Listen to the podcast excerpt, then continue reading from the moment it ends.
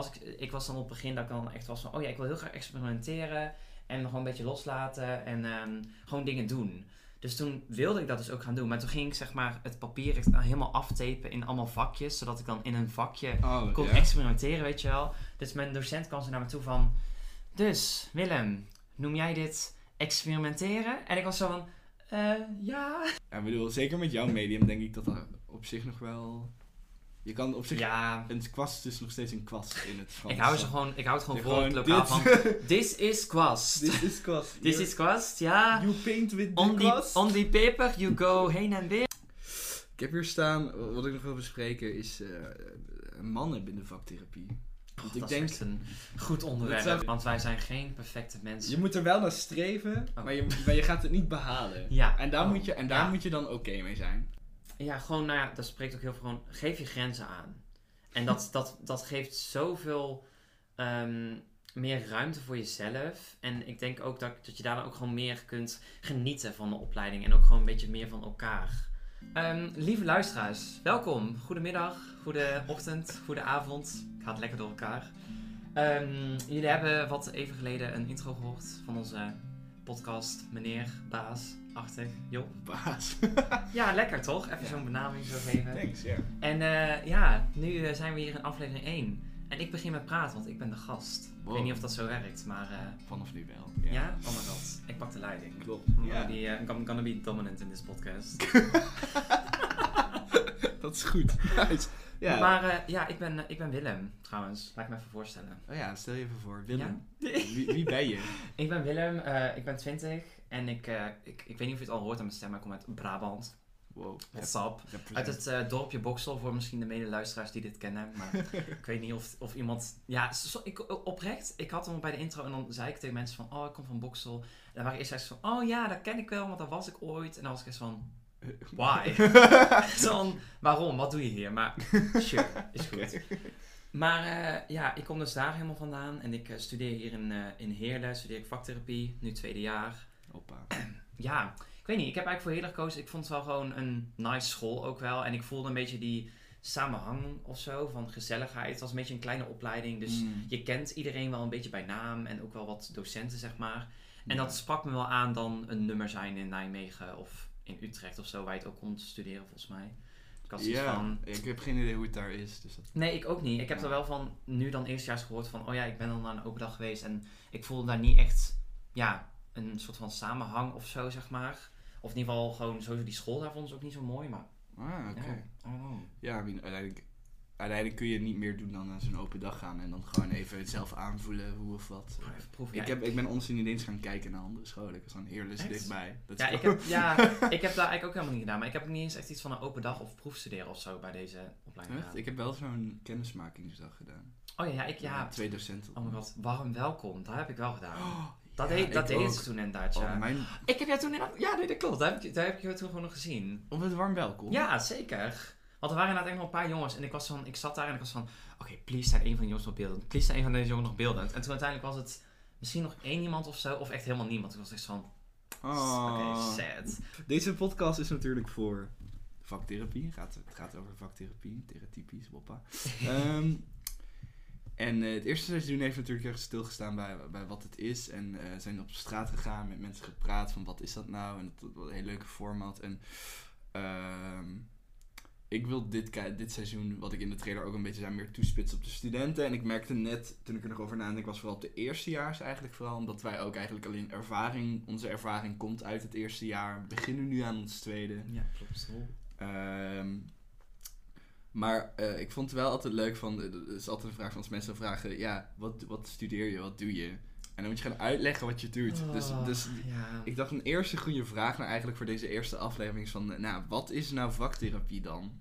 Ja, het is ook zeg maar wat je zegt. Ik, ik, ben dan, ik werk dan in de horeca, zeg maar ook nog gewoon waar ik dan vandaan kom in Boksel. En als ik dan soms bij tafel ben aan het kletsen, dan vragen ze: En wat studeer je dan? Want dan eerst vragen ze natuurlijk altijd van: Doe je horeca? Want oh my god, eh, je doet het zo goed. Oh my god, je moet dat wel studeren. En ik ben zo van: Nee, dit is echt mijn bijbaan, maar sure.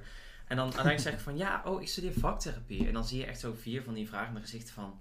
Hmm. eh, en dan ben ik nog, dan probeer ik nog een beetje zo van. Het heette eerst Creatieve creatieve therapie, therapie. ja, zo van misschien kennen jullie dat dan wel. En sommigen zijn van, oh ja, dat ken ik wel. Maar dan is het inderdaad wel een beetje zo van stereotyperend van... Oh ja, dan ben je gewoon creatief en dan ga je tekenen of dan doe je gewoon dit en dan geef je therapie. En het is nog allemaal een beetje vaag. Ja. Dus hoe ik dan meestal vaktherapie uitleg is gewoon dat... Ja, je hebt dus dan je vier disciplines. Dus dat is gewoon, ja, je gaat ergens gewoon een beetje op specialiseren. Dus nou, Job, jij doet dan drama en ik doe dan beeldend. Mhm. En ehm, ja, ik leg dan gewoon een beetje meer uit dat je dan eigenlijk gewoon therapie gaat geven. Je leert gewoon hoe je bepaalde ja, technieken kunt gaan doen. En dat doe je gewoon ja, op een creatieve manier, vanuit je discipline. Dus ik zou dat dan doen vanuit beeldend. En in plaats van dat je dus ja, met iemand eigenlijk een hele sessie gaat praten, ga je nu gewoon creatief bezig zijn met een ander. En dat kan dan bij mij zijn met klei, of dat kan bij mij zijn met ecoline.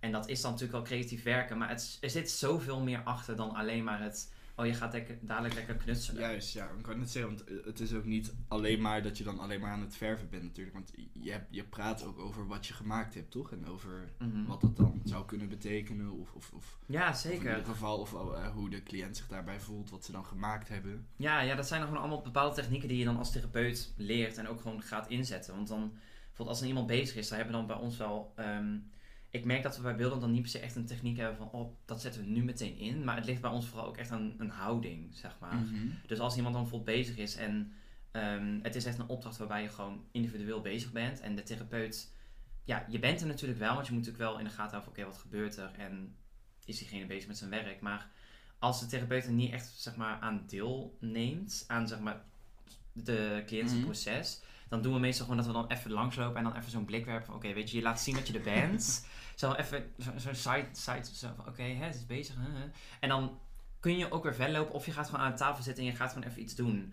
Mhm. Letterlijk een docent van ons zei van, je kunt aan de tafel gaan zitten en je gaat gewoon potloden of stiften sorteren. En wees daar gewoon even mee bezig. En dan tegelijkertijd heb je nog wel het Kijken, overzicht van, hé, hey, ik zie waar ze mee bezig zijn.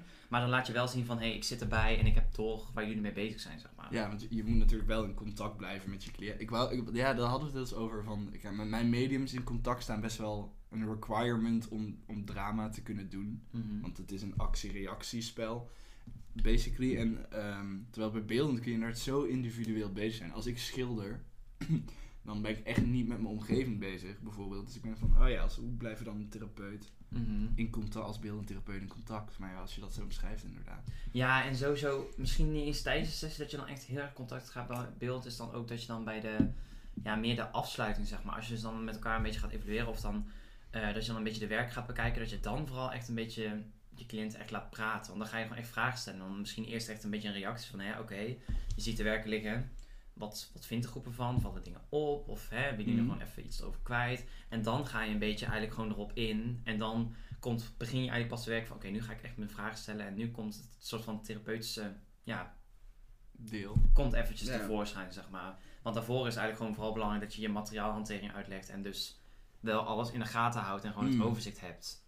Daar is het eigenlijk wel een beetje... Ja, ik, ik merk ook wel dat zeker in het eerste wat dat er heel veel nadruk wordt gelegd op hoe je, hoe je instructies geeft. Hoe lastig dat soms kan zijn als je een onduidelijke instructies geeft, hoe dat je gewoon jouw hele oefening kan, kan in, eh, in de weg zitten. Ja, maar dat vind ik ook wel mooi van onze opleiding dat we daar dan ook wel van mogen leren en hoe je daar dan ook op zich bewust van kan worden of zo. Ja. Want ik weet inderdaad bij mijn eerste werkvorm die ik dan deed, dat ik dan inderdaad ook gewoon soms had van oké, waarom, dat ik dan feedback kreeg en dat ik dan een beetje last van oké, waar, waar moet ik dan precies aan werken? Mm. Maar dan gaf iemand anders een werkvorm en dan keek ik en dan was ik van, oh wacht eens even, want als jij nu inderdaad zo je instructies Ja. geeft, dan gebeurt er dus dit bij de cliënt en kan er ja, dit gebeuren, ja, zeg maar. Dus als je bijvoorbeeld alles al uitlegt aan het begin van de sessie, dan is je cliënt een soort van fried in zijn hoofd. Ja, En dan, en dan, of, dan gaat hij, of dan gaat hij over alles al vragen stellen, terwijl het eigenlijk heel makkelijk is als je eenmaal bezig bent. Dus het, het is een beetje... Wij krijgen dus bij drama altijd aangeleerd dat we aldoende vaak instructies geven. Mhm. Dus als wij in een cirkel iets met een bal willen gooien, dan gooien we in de bal al direct tijdens de instructie. Oh ja. Dat je gewoon zo van, vorm een cirkel. Oké, we gaan nu eh, dit balspel doen. En dan, ik gooi hem naar, eh, weet ik veel, die cliënt. En dan gooi ik hem ook al direct. En dan zeg ik, Mhm. oké, en nu zeg jij dit. En dan mag jij hem weer doorgooien naar een ander. Dan is het direct duidelijk. Ja. Iedereen kan het zien. En dan kan de cliënt ook meteen even mee, dus de beweging ook. Ja, nu precies. de Je kan bal echt nu- volgen. Want dat, en dat neemt ook weer een beetje spanning af. Terwijl als je, als je gewoon zegt, oké, stel iedereen zit nog en je staat als therapeut en zegt, oké, we gaan dadelijk allemaal in een kring staan en dan pak ik een bal en dan ga ik de bal en die bal ga ik naar jou gooien en dan ga jij iets zeggen en dan ga jij de bal doorgeven Ja. naar een ander en dan, dan ben je ze al kwijt, weet je wel. Zeker, zeker ja. met kinderen, dan, dan, die hebben daar helemaal... Zeker, ja. Kinderen is dat heel lastig. Daarom is het echt wel belangrijk dat je je instructie net ook wel goed doet. Maar zo, als we inderdaad vaktherapie een beetje zo hebben uitgelegd, ja, weet je, het is nog. Ik, ik wil ook niet per se zeggen dat het echt nog nieuw is, maar het is gewoon nog bij zoveel mensen echt onbekend. En daarom is het gewoon jammer dat we dan een soort van. Ja, we moeten uiteindelijk echt ons beroep gewoon wel gaan ja, adverteren, zeg maar. Ja, We gaan daar echt reclame maken en zorgen dat gewoon vaktherapie wat meer bekend is. En dat zit gewoon ook een beetje met deze van ja, wat is vaktherapie nou eigenlijk? Ja, nou dat leren we eigenlijk ook een beetje met ervaring nu ook wat meer. van. Zeker, We ja. kunnen het steeds meer een definitie geven. ja precies. Over, dat is een mooie segue, want ik dacht, ik heb de definitie wel even opgezocht. Oeh, Op de site van eh, vaktherapie zelf, wat ze zeggen, bij de vraag wat is vaktherapie. Kijk. Zij zeggen als volgende, ze zeggen vaktherapie is een behandelvorm voor mensen met psychische aandoening of psychosociale problematiek. Voorbeelden van zijn angstklachten, gedragsproblemen, trauma of verlieswerking. De term vaktherapie is overkoepelende naam van beeldende therapie, danstherapie, dramatherapie, muziektherapie en psychomotorische therapie. En psychomotorische kindertherapie en speltherapie. Dus er zit wel veel in, maar wij, Ja. wij hebben alleen de vier mediums natuurlijk. Ja, en dan ja, spel, de speltherapie zit er ook een beetje bij jullie bij drama erbij, toch? Of... Eh, ja, maar volgens mij is dit wel echt nog een vak, ah, een vak apart. Haha, nee. dus ja, eigenlijk, als ik het altijd moet omschrijven, ben ik altijd heel ruim van ja, je gebruikt je discipline basically om, om mensen te helpen eh, die bijvoorbeeld bij gesprekstherapie gewoon Ja. niet zo, die ni- niet zo sterk zijn met woorden, maar wel bijvoorbeeld met kunst. Oh, dat is een goeie inderdaad. Ja, want ik, het is inderdaad ook wel een vraag mensen inderdaad, weet je, voor, ja, voor wie is het dan? Ja, en dan ben ik ook een beetje van ja, in principe best wel voor elke doelgroep. Voor iedereen. Ja, ja. Het is gewoon net wat, dan, wat je mooi zegt van als mensen wat minder sterk zijn en echt het spreken en echt in een gesprek aangaan, dan kun je dat juist mooi vanuit een ander soort perspectief gaan ja, bekijken. Mhm. Dus dat is dan wel heel relaxed dat dat dan zo ook op een andere manier dan kan. Ja, precies. Ja. Want eh, wat, wat, wat denk je dat de plek van vaktherapie in de zorg is op het moment? Je haalt net al aan, dat we inderdaad moeten ons beroep echt adverteren bijna. Van, yo, dit zijn wij, dit doen we, neem ons serieus. Maar Mhm. als je nu, tenminste van wat je nu hebt meegekregen, van hoe, hoe denk je dat vaktherapie in de zorg zit op het moment? Bij ons. Ehm, nou, ik denk op zich dat het wel goed zit, maar ik hoor nog wel steeds dat ook dan bijvoorbeeld eh, docenten die we dan nu hebben en die zijn dan nog best wel jong, die zijn dan een beetje een paar jaar afgestudeerd en die komen dan nu lesgeven. Mhm. Dat ze dan ook echt wel zeggen als ze dan ergens vast werken in een instelling of ehm, dat ze dan net een beetje hun stages hadden, dat ze echt wel moesten vechten voor een plekje van hé, hey, om te laten zien vaktherapie Ja. werkt. Het is niet zomaar dat, een, dat, zoals een psycholoog misschien kan zeggen, maar dat kan ik ook echt helemaal invullen. Dat een psycholoog zomaar kan zeggen van ik ga dit doen, want gewoon dit werkt. En dan is iedereen van oh ja, tuurlijk. Terwijl bij vaktherapie is het nog gewoon een beetje van oké, laat maar zien dan waarom het werkt. Of nog een beetje die twijfels dat dan psychologen of psychiaters hebben van Ehm, nou, ik weet niet zeker of dit dan wel gaat werken voor deze cliënt. Terwijl Mm. dan moeten wij inderdaad echt komen met het onderzoek, met de feiten, Ja. met gewoon alle ervaringen ook die we dan hebben opgedaan van hé, hey, dit werk, kan wel werken, want het werkt zus en zo en deze theorie zegt zus en zo.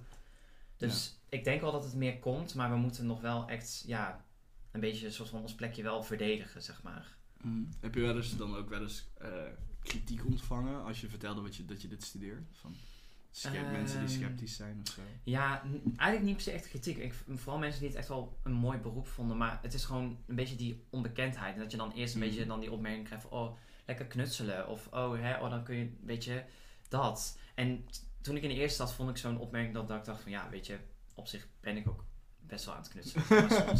Soms, eerlijk als ik zo naar het kijk... eerste, ja. Ja. dan ben je op zich nog best wel een beetje gewoon die materialen aan het ontdekken. En dan voel ik het ook alsof ik echt maar aan het knutselen ben. Maar nu denk ik wel echt van... Ja, zo moet ik het gewoon niet meer zien Nee, Het is wel niet- echt- Ja. je gaat uiteindelijk echt al iets doen, zeg maar, eh, iets creatiefs dan met die cliënt. En het moet niet alleen maar knutselen zijn. Want daar, het is veel meer dan dat. Dus Ja. ik, ik, ik heb zoiets dan dat ik dat nu dan wel wat meer als kritiek misschien ga zien. Maar ik heb het nog niet echt ontvangen. Ik weet niet, heb jij daar Nou, ik, of ik had wel, ik had een moment, toen vertelde ik aan iemand dat ik, dat ik dramatherapeut eh, wil worden, of Mhm. dat ik dat studeer. En toen, en dat was een, een vrouw die zelf in de zorg werkte. En zij was echt een soort van super kritisch of sceptisch op, op vaktherapie. En toen was ik echt zo van... Maar ik had toen ook nog niet de, de ken... Ja, nu nog steeds niet, anders niet. Maar ik had toen al helemaal niet de kennis om een soort van te verdedigen van... eh, het, Ja. het werkt wel en we doen dit en we doen onderzoek. En het is helemaal niet zo, zo zweverig als mensen het zeg Mhm. maar inschatten. Het is echt wel...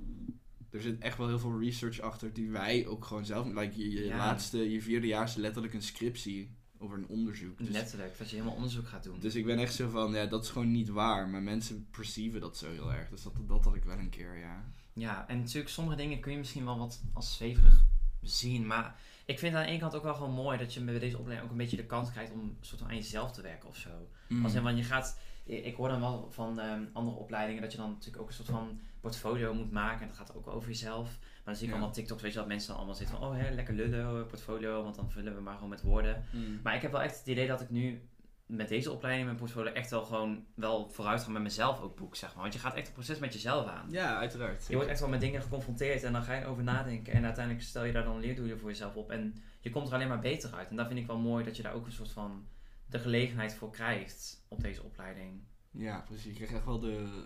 Ja, misschien is het niet de persoonlijke aandacht van de opleiding, maar je krijgt ruimte om Ruimte, jezelf ja. persoonlijke aandacht te geven. Zeker. Mhm, Ja.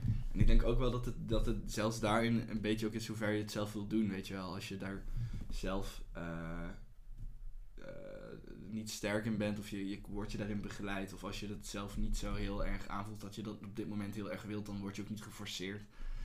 En ik denk ook dat, dat, dat, dat, dat, dat de opleiding dat heel goed inschat. Tenminste, mijn mentor had dat wel heel erg van, eh, oh hier, wat wil je, weet je wel, dit is, je zit met dit probleem.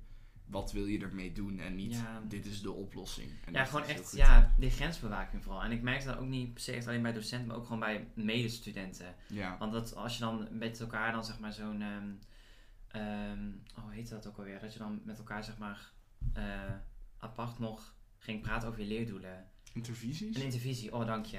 Oh, helemaal het woord vergeten. Maar intervisies, ja, nee, die vond ik oprecht echt super fijn. Want dan ging je inderdaad gewoon met elkaar gewoon in gesprek over leerdoelen. Of gewoon, al was er iets met jou dwars. Maar je merkte gewoon dan, in ieder geval ook dan bij mij, maar in mijn klas, bij medegenoten. Als je dan iets gewoon niet wilde vertellen, dan hoefde je dat niet te vertellen. Ja. Weet je, hou gewoon je eigen grenzen aan en blijf daar ook gewoon bij. En wij zeggen ook van, weet je, als er iets gewoon, iets misschien even te heftig is of je wilt niet delen, deel het dan niet. Niet, ja. Dan komt er wel gewoon een ander moment. Maar nu zijn we gewoon om elkaar te helpen met wat we gewoon nu op tafel leggen. En dat is gewoon fijn. ja. Dan kun je, kun je elkaar gewoon een beetje wat meer die, ja, die steun in de rug geven. Als ik het zo goed zeg. Maar. ja, ik snap wel wat je bedoelt. Zeker, volgens mij verschilt dat natuurlijk ook wel gewoon per klas en per jaar. Maar ik, merk, ik ervaar in ons jaar wel heel sterk een soort van kameraadschap. In, in die zin dat we er voor elkaar zijn en dat, Ja. dat, dat we het ook gezellig hebben. En ik denk, zeker voor het eerste jaar, dat je het eerste jaar ook gewoon heel veel plezier moet hebben. Want van, ja, je gaat jezelf tegenkomen en zo, maar het is ook niet alleen maar dat. Zeker Nee. wat je zegt van, ja, ik ben gewoon aan het knutselen. Dat is het eerste ook wel Het is gewoon, ja, dat is het- gewoon leuk. het eerste, is, het eerste is ook gewoon heel erg gewoon van inderdaad ervaring opdoen binnen je discipline. En Ja. het ook gewoon ervaren. Wat vind ik er. Ik had bijvoorbeeld. ehm, ik, kom, ik kom, weet je wel, in theater, ik ben theatermaker eigenlijk. Mhm.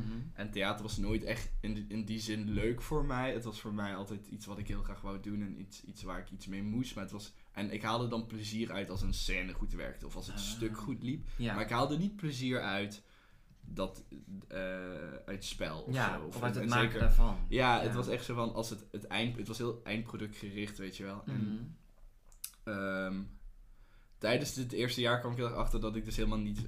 Je hebt dan het concept spelplezier. En eh, eh, dat betekent dat je plezier hebt in de rol die je speelt.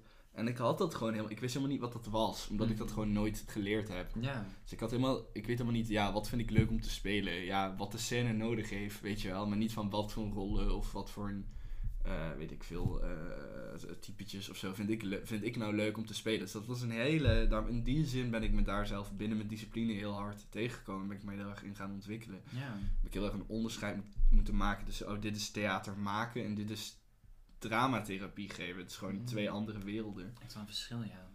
Dus en ik, ik denk dat dat ook heel erg een ding is van, zeker ook bij beeldend, dat het niet, volgens mij helemaal niet eh, eindproduct gericht is. Het gaat echt om een proces altijd. En dat, in, dat, in die zin is het met, denk ik, on- alle disciplines hetzelfde. Ja, het is wel inderdaad heel lastig, want ik weet ook wel dat toen die eerste weken dat we een beetje elkaar ook, ehm, elkaars media een beetje konden bekijken, zeg maar. En dat we dan Mhm. allemaal ergens een stukje van ons media zeg maar, meenamen naar zo'n collegezaal en dan gingen we het allemaal laten zien. Oh ja. En toen weet ik ook nog wel dat wij als beeld inderdaad echt van die eh, papieren een beetje omhoog hielden en dan een beetje uitleggen van oké, dit en dit en dit. En dat inderdaad een beetje mensen waren van, oké, weet je, ik zie nou het eindwerk, maar wat nou, zeg maar. En dat wij al gauw waren van, hé, hey, het gaat inderdaad echt om een proces. En tuurlijk, je hebt nu een eindproduct en daar kijk je ook echt wel naar. Mm. Maar het gaat inderdaad echt meer om hoe je nou uiteindelijk tot dat eindproduct komt. Ja. En dat is ook wel echt, eh, dat hebben we ook wel gemerkt bij beelden, dat, je, dat we dat soms, ja, niet per se echt streng, zeg maar.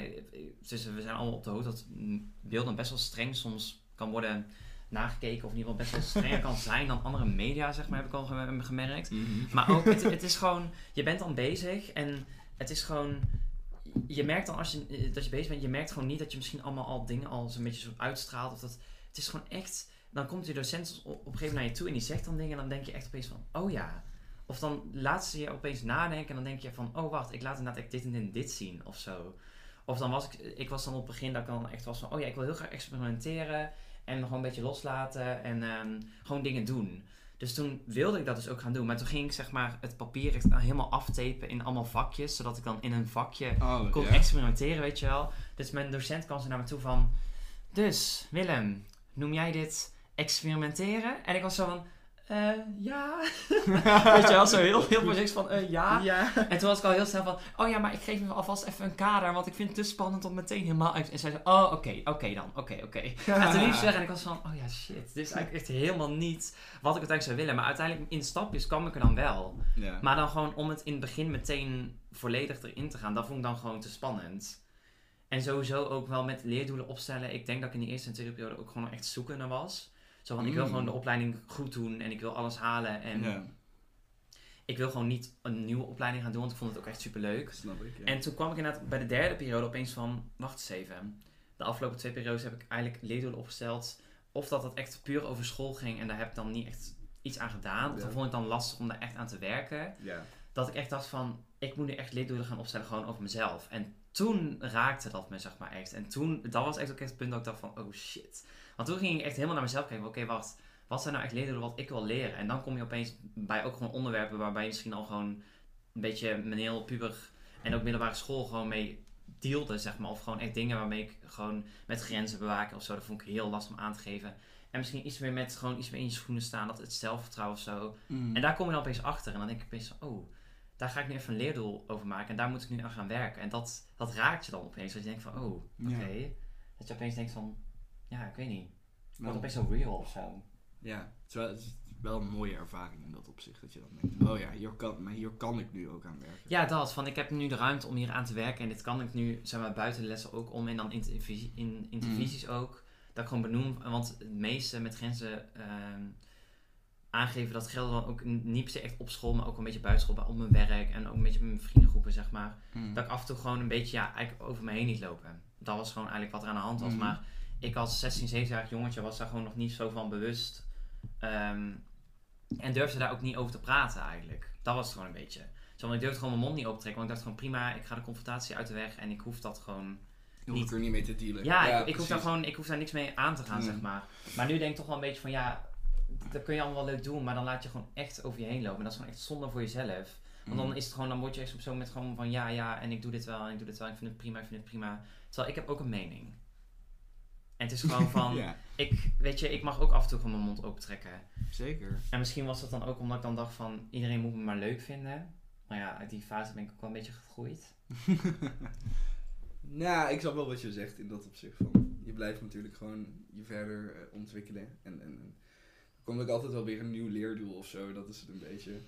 Maar ik denk, eh, eh, om dit stukje een beetje zo langzaam af te ronden. Ik denk dat je, zeker in je eerste jaar, gewoon inderdaad je leerdoelen heel erg afstelt op, op, op je behoeftes. Ja. En als die eerste twee periodes die er nog niet zo'n hele diepe of concrete leerdoelen zijn, is dat ook oké. Like, I mean, je moet wel, ja. I mean, je moet het wel goed omschrijven op je PPO Ja, om hem te halen. ja, dat is wel handig. daarbuiten... Maar je zou inderdaad dan altijd nog gewoon aan of klasgenoten of gewoon aan een, letterlijk je mentor gewoon Ja. vragen van hé, hey, ik heb nou deze leerdoelen opgesteld.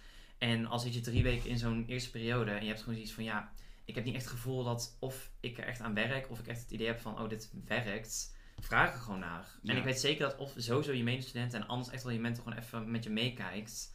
Ja, ik heb dat letterlijk. Ik had eh, Ja. in de eerste periode of zo had ik een leerdoel opgesteld rondom samenwerken. Want ik had een heel erg issue met, met een samenwerking voor iets. Mhm. En ehm, En ik wist gewoon niet wat ik daarmee aan moest. En toen eh, ben ik echt letterlijk naar mijn mentor van, ja, ik heb dit probleem en ik wil daar wel een leerdoel van maken, maar ik weet niet zo goed hoe. En toen, en toen heeft ze me daar gewoon bij geholpen. Dus inderdaad, Nice. zeker gewoon aankloppen bij je mentor. Ja, Daar zijn ze voor, doen ze ook ja wat. echt hoor. Daar is het mentorschap voor. Daar is het mentorschap voor. Dus kijken, ehm, ja, we hadden het er net al een beetje over. Ehm, stereotyperingen van vaktherapie heb ik hier staan. We hadden het net al over zweverig. Zeker een hele Zeker grote in het algemeen. Van, ja. oh ja, de opleiding is zweverig. Of, of vaktherapeuten zijn zweverig. Ehm, Ja. Terwijl eigenlijk, het, het, het, het valt eigenlijk zo mee wat we al hebben gezegd. Maar het zeven ook alsof we helemaal denken dat we echt met geurkaarsen en zitten daar op een kussen helemaal. Klankschaaltherapie. Echt eh, hoor. En dan inderdaad helemaal, weet je, dat, dat, ja, dat is het gewoon allemaal niet. Maar ja, ze- ja, weet je, voor beelden, maar ja, heb ik ook al benoemd, als je dan ergens komt en oh, kom je lekker knutselen. Ja, dat is het gewoon. Maar dat is zo, met, je, nou, je maakt het al heel snel kinderlijk. Het is gewoon van, oh, kom lekker knutselen, Oh, of komt zingen, dansen. Spelletjes spelen. Weet je, Spelletjes ja. spelen, ja, daar is het gewoon al heel snel. En soms is dat het ook. En dat Ja. is op zich ook oké. Maar er zit, zelfs als we dat doen, is dat wel een bewuste keuze. Ja, om een bepaald iets te behalen, hopelijk. Er zit altijd zit er iets achter. En dat hebben we dan ook Ja. gebaseerd op onderzoek en ook gewoon een behandelplan wat we dan schrijven. De- en, en theorieën, dat is gewoon, we, we baseren het uiteindelijk op echt wel iets. Maar ja, het komt dan echt misschien over van, oh, dit, dit, zu- dit zuigt even uit een duim of zo. Maar Er moet wel meer gedachten achter zitten dan, oh, ik ga vandaag met de kinderen eh, pff, gewoon improvisatiespelletjes doen. Ja, er zit wel een reden achter, van, stel, oh, ik merk ver- zelfvertrouwen is minder. Dan gaan we wel, dan stel ik mijn spel daarop af. Ja, dus, dus gewoon een beetje aftasten. net ook met, want dan dit jaar gaan we dan in de tweede rij stage lopen dan op een basisschool. ja. Of ja, of als sommige mensen al eerder ehm, ervaring hebben met kinderen, dan mogen ze volgens mij wel al stage lopen bij een instelling. ja, dan krijg je een stage plus, dus dan mag Ja. je met ouderen bijvoorbeeld werken. Of, Ja, maar ja, wij gaan dus inderdaad nu wel gewoon werkvormen aanbieden voor kinderen. En natuurlijk is het een beetje zo van het hoofdpunt van plezier. Mm. Je wil gewoon dat de kinderen plezier hebben, maar je- natuurlijk ga je wel een beetje bij die klas gewoon kijken van oké, welke kinderen ja, komen een beetje erbovenuit. Van, hebben misschien sommigen moeite met je werkvorm, dan moet je dat aanpassen. Of lopen mensen achter of voor. En gewoon hoe je het ook aanbiedt is ook heel belangrijk. Want je moet ook maar duidelijk instructies geven voor die kinderen. hè. Duidelijk, ja, precies. En ik denk wel dat, zeg maar, dat in dat gebied wat ik volgens mij zo'n beetje ervaren heb en gelezen heb, is dat, dat, dat, dat je met kinderen en ouderen het redelijk simpel, of ja, niet per se simpel, maar eh, dat, dat, dat altijd best wel op één lijn ligt Ja. qua wat je aanbiedt. Gewoon duidelijk ook vooral. En ja, maar dat volwassenen vaak dat indirecte heel lastig vinden. Als je, Mhm. Dat de volwassenen een soort van, oh, maar ik moet snappen waarom we dit nu doen. Terwijl Mhm. kinderen en ouderen is, is dat veel minder. Klopt. Dus, maar ik, ja. Ja. Gewoon dat. Ja. Gewoon dat. En zijn er nog andere stereotyperingen wat je zou zeggen van, oh, dit hoor ik ook altijd over vaktherapeut of specifiek over beeldend of... Of dans, of- Ehm, Nou ja, niet echt per se stereotypes of zo. Ik denk dat dat wel een beetje behandelen. Maar ik denk vooral ook ehm, dat mensen een beetje hebben van ja, waar kun je dan laten werken? Of een beetje een soort van. Ja. Dat mensen volgens mij ook een beetje twijfel hebben of wij dan later baanzekerheid zeg maar, gaan hebben. ja. Ik denk dat dat ook wel een beetje een dingetje is. Terwijl wij gaan nu ook in het tweede een beetje leren qua ondernemerschap, zeg maar. Hoe wij dan zelf misschien iets willen beginnen, zeg maar. Mm. Maar ik denk dat dat wel een beetje van, ja, oké, waar kom je dan terecht? Is het dan echt meteen gewoon een GGZ? Of is het gewoon een instelling? En dan, ja, dan leg je dat ook een beetje uit van, ja, het is eigenlijk best wel breed. Dat is eigenlijk wat je een beetje zelf wil. Ja, je moet natuurlijk Ja. wel een baan vinden, of course. Maar ja, precies. Wil je met kinderen werken, wil je met volwassenen werken, wil je ouderen werken, dat, dat beïnvloedt sowieso wel heel erg waar je heen gaat. Ja. Of ga je gehandicaptenzorg in, of inderdaad GGZ gewoon. eh, Kan alle kanten op in principe. Het is Ja. een beetje ook waar jij je in specialiseert. Want je krijgt ook, zeker ze zeggen dit jaar al, krijg je gewoon al ruimte om een soort van te gaan kijken, oké, waar wil ik in verder, weet je wel. Ik wil heel graag met kinderen gaan werken bijvoorbeeld. Dus dan Oh, nice. ga ik ook me dit jaar ontwikkelen meer richting. Tenminste, Gewoon dat zeg ik nu. Dat ja, zeg ik nu. zeg, misschien dat je dat later dan op een ander onderwerp terechtkomt en denk Ja, oh, daar wil dat ik ook, even naar kijken. Ja. Maar nu denk ik van, oh ja, de basisschool is goed, de stage, Mhm. want dat is met kinderen. Ja. En eh, ik ga op zoek naar eh, die zelfstudie invuluren om, om ook iets te doen met kinderen in ieder geval. Ja. Nice. Dus dat is inderdaad. En dan die baanzekerheid. Ja, ik, ik weet niet zo goed wat ik daarover moet zeggen. Want soms hoor ik van, oh ja, nee, je vindt, er, wordt- er steeds meer, het wordt wel steeds groter. Er is steeds meer Mhm. vraag naar, naar eh, onze beroep. En, maar ik hoor van anderen ook van, oh nee, het is best wel hard om een baan te vinden. als- Ja, het is gewoon een beetje die twijfel. En dan ook omdat het dan zo'n onwetendheid is van wat is het beroep, dat al mensen heel snel denken van, ach, daar ga je toch geen baan mee krijgen? Of hoe, waar Ja. kom jij dan terecht? Dus je denkt van ja, dat komt echt wel goed. Ja, en ik denk wat ook een belangrijk punt is dat het ook een internationaal beroep is. Dus Mhm. zelfs als je like, in Nederland niks zou vinden, zou je alsnog gewoon... Like, dat, dat leek mij heel gaaf, om eventueel gewoon rond te reizen. En dan weet je wel, een jaar in Duitsland in de instelling, dan een jaar in Frankrijk, dan Oh. een jaar...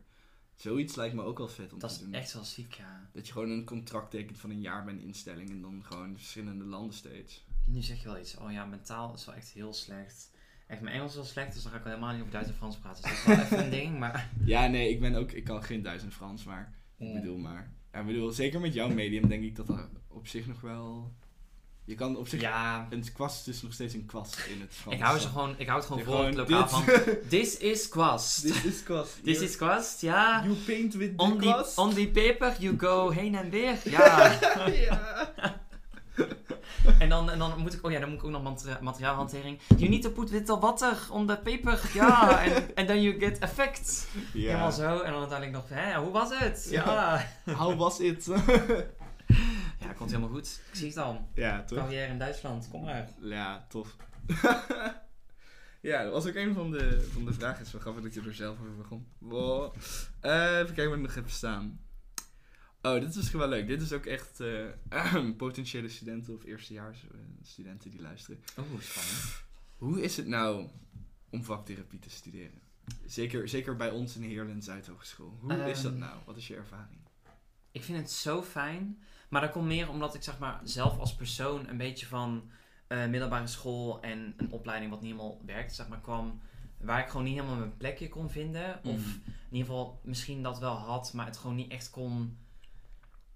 Ja, echt voor mij kon vestigen of zo. Ik had gewoon meer. Ik was ook een beetje, een beetje zoekende met mezelf. En ik denk dat ik dat echt pas sinds afgelopen jaar een beetje ben gaan vinden. Van wie ben ik nou? Mhm. Zeg een beetje wat vind ik leuk. Ja. En omdat je daar op deze opleiding gewoon zoveel de ruimte voor krijgt en dat dat gewoon fijn voelt, vind ik het gewoon heel leuk om hier te studeren. En ook al sowieso de mensen op deze opleiding zijn zo open en zo leuk ja. en gewoon heel lief. En ik weet ook wel dat we toen, ehm, zeg maar, gewoon onze klas gingen ontmoeten in de eerste en dan ging je zo'n rondje met allemaal namen en zo. En dan ging je nog iets over jezelf vertellen. En ik weet nog wel dat echt gewoon nog drie personen of vier personen voor me gewoon echt van zichzelf voorstellen. En waren van, oh en ik hè, zit trouwens bij de LGBT. Hè, ik ben dan of lesbisch of, of, of ook dan homo, zeg maar. Mhm. En dat gaf mij ook al echt zo'n stap van, oh wow, oh, dit zeggen jullie ook allemaal altijd, het voorstelrondje. Dus dan wil ik dat ook echt wel doen, zeg maar. Oh, wat mooi. Dus ja. weet je, het, het is allemaal zo, zo open en vrij. En het is niet dat iemand echt zo raar naar je opkijkt als je iets doet of iets aandoet of zo. Het is gewoon, je bent daar best wel vrij in. En gewoon die vrijheid die voel ik. En dat, dat, oh, dat vind ik zo fijn. ja. Dus ik weet niet, daarom vind ik het gewoon heel leuk in Heerlen. En vind ik het ook fijn om te studeren. Want ook, ja, Heerlen als stad is misschien niet zo heel bekend. Of hebben een beetje studenten van, oh ja, dan ga ik echt niet op kamers. Maar ik vind het eigenlijk best wel prima. Je hebt gewoon je dingen om je heen, weet je. En daar kom je uiteindelijk wel mee. Ik weet een beetje een kroegje, of ik weet een terrasje waar we kunnen zitten in Heerlen. waar je onze cocktail night kan inluiden, zeg maar. Oh ja, Dus ja, en gewoon als je dat allemaal een beetje hebt, dan is het echt gewoon prima. Ja. Maar hoe vind jij het? Studeren eh, op um, Ja, nou, ik... Saars Hogeschool. Zuid Hogeschool, nou... Mhm. Nee, ja, ik, heb, ik ben ook wel heel tevreden. Ik vind gewoon dat de docenten heel erg... Tenminste, ik kan alleen voor, voor drama en voor like, de gezamenlijke vakken die we hebben Mhm. spreken. Maar ik vind dat alle docenten wel gewoon heel gepast zijn. In, in, in, Zeker. eh, het, het, het helpt ook dat ze allemaal zelf nog in het werkveld zitten, Ja. volgens mij. Dus Mhm. je krijgt ook soms gewoon verhalen te horen. En dat maakt een soort van... Dat, eh, vaak zit er een soort van... ehm, brug tussen de opleiding, tussen wat je studeert en Mhm. hoe het werkveld gaat zijn. ja. En ik vind dat het, de docenten zelf, studie, eh, zelf eh, in het werkveld zitten, vind ik dat die brug veel kleiner is. Ja. Je, je ligt veel dichter bij hoe het later gaat zijn.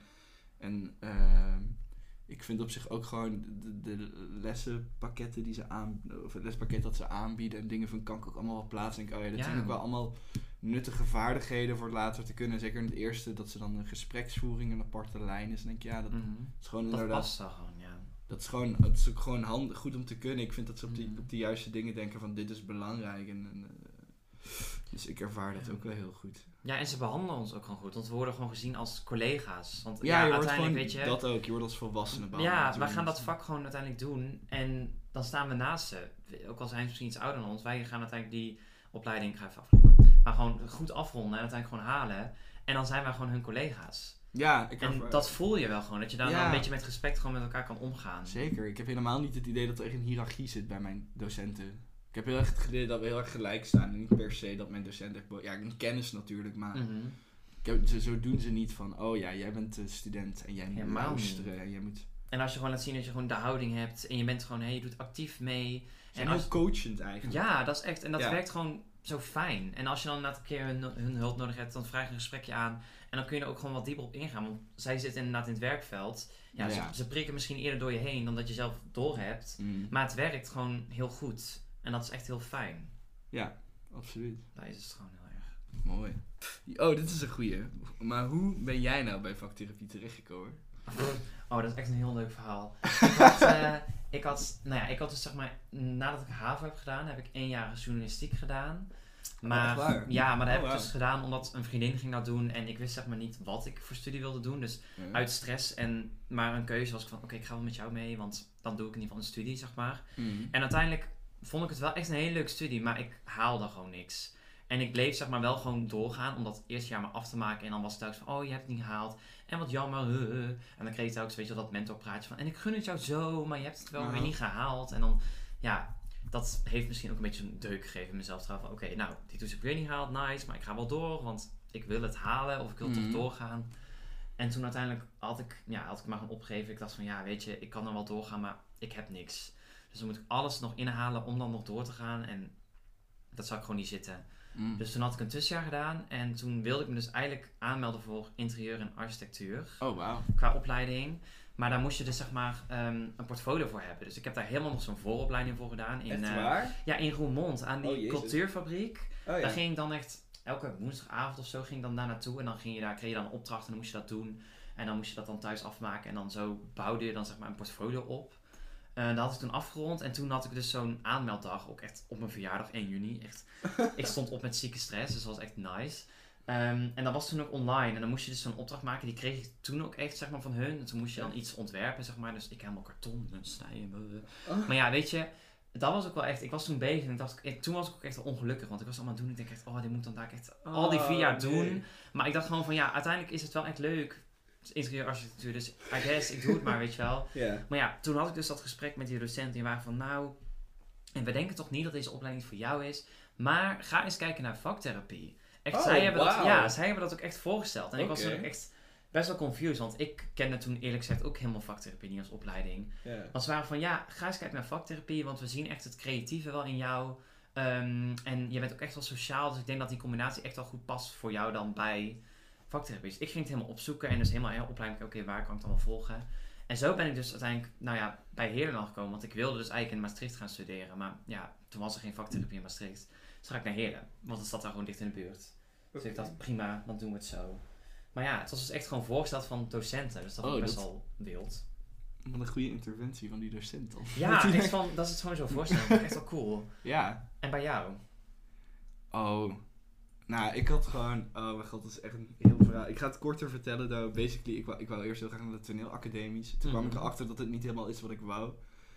En toen, eh, ik kende een, iemand die al vaktherapie studeerde in Heerlen. Mhm. En toen was ik zo van, oh, maar wat is dit dan? Weet je wel. Ik wou, ik wou wel echt iets met theater doen. Want ik denk, ik word zo ongelukkig als ik een kantoorbaan krijg of zo.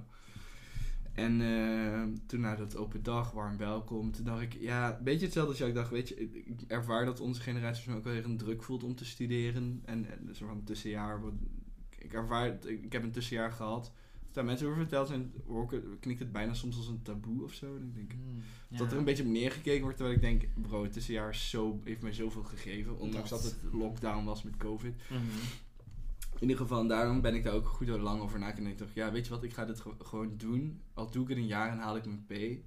Kun je altijd nog door. Ja, en, en wat ik ook heel prettig vond is dat deze, ik weet niet hoe het voor jullie medium zit, Mhm.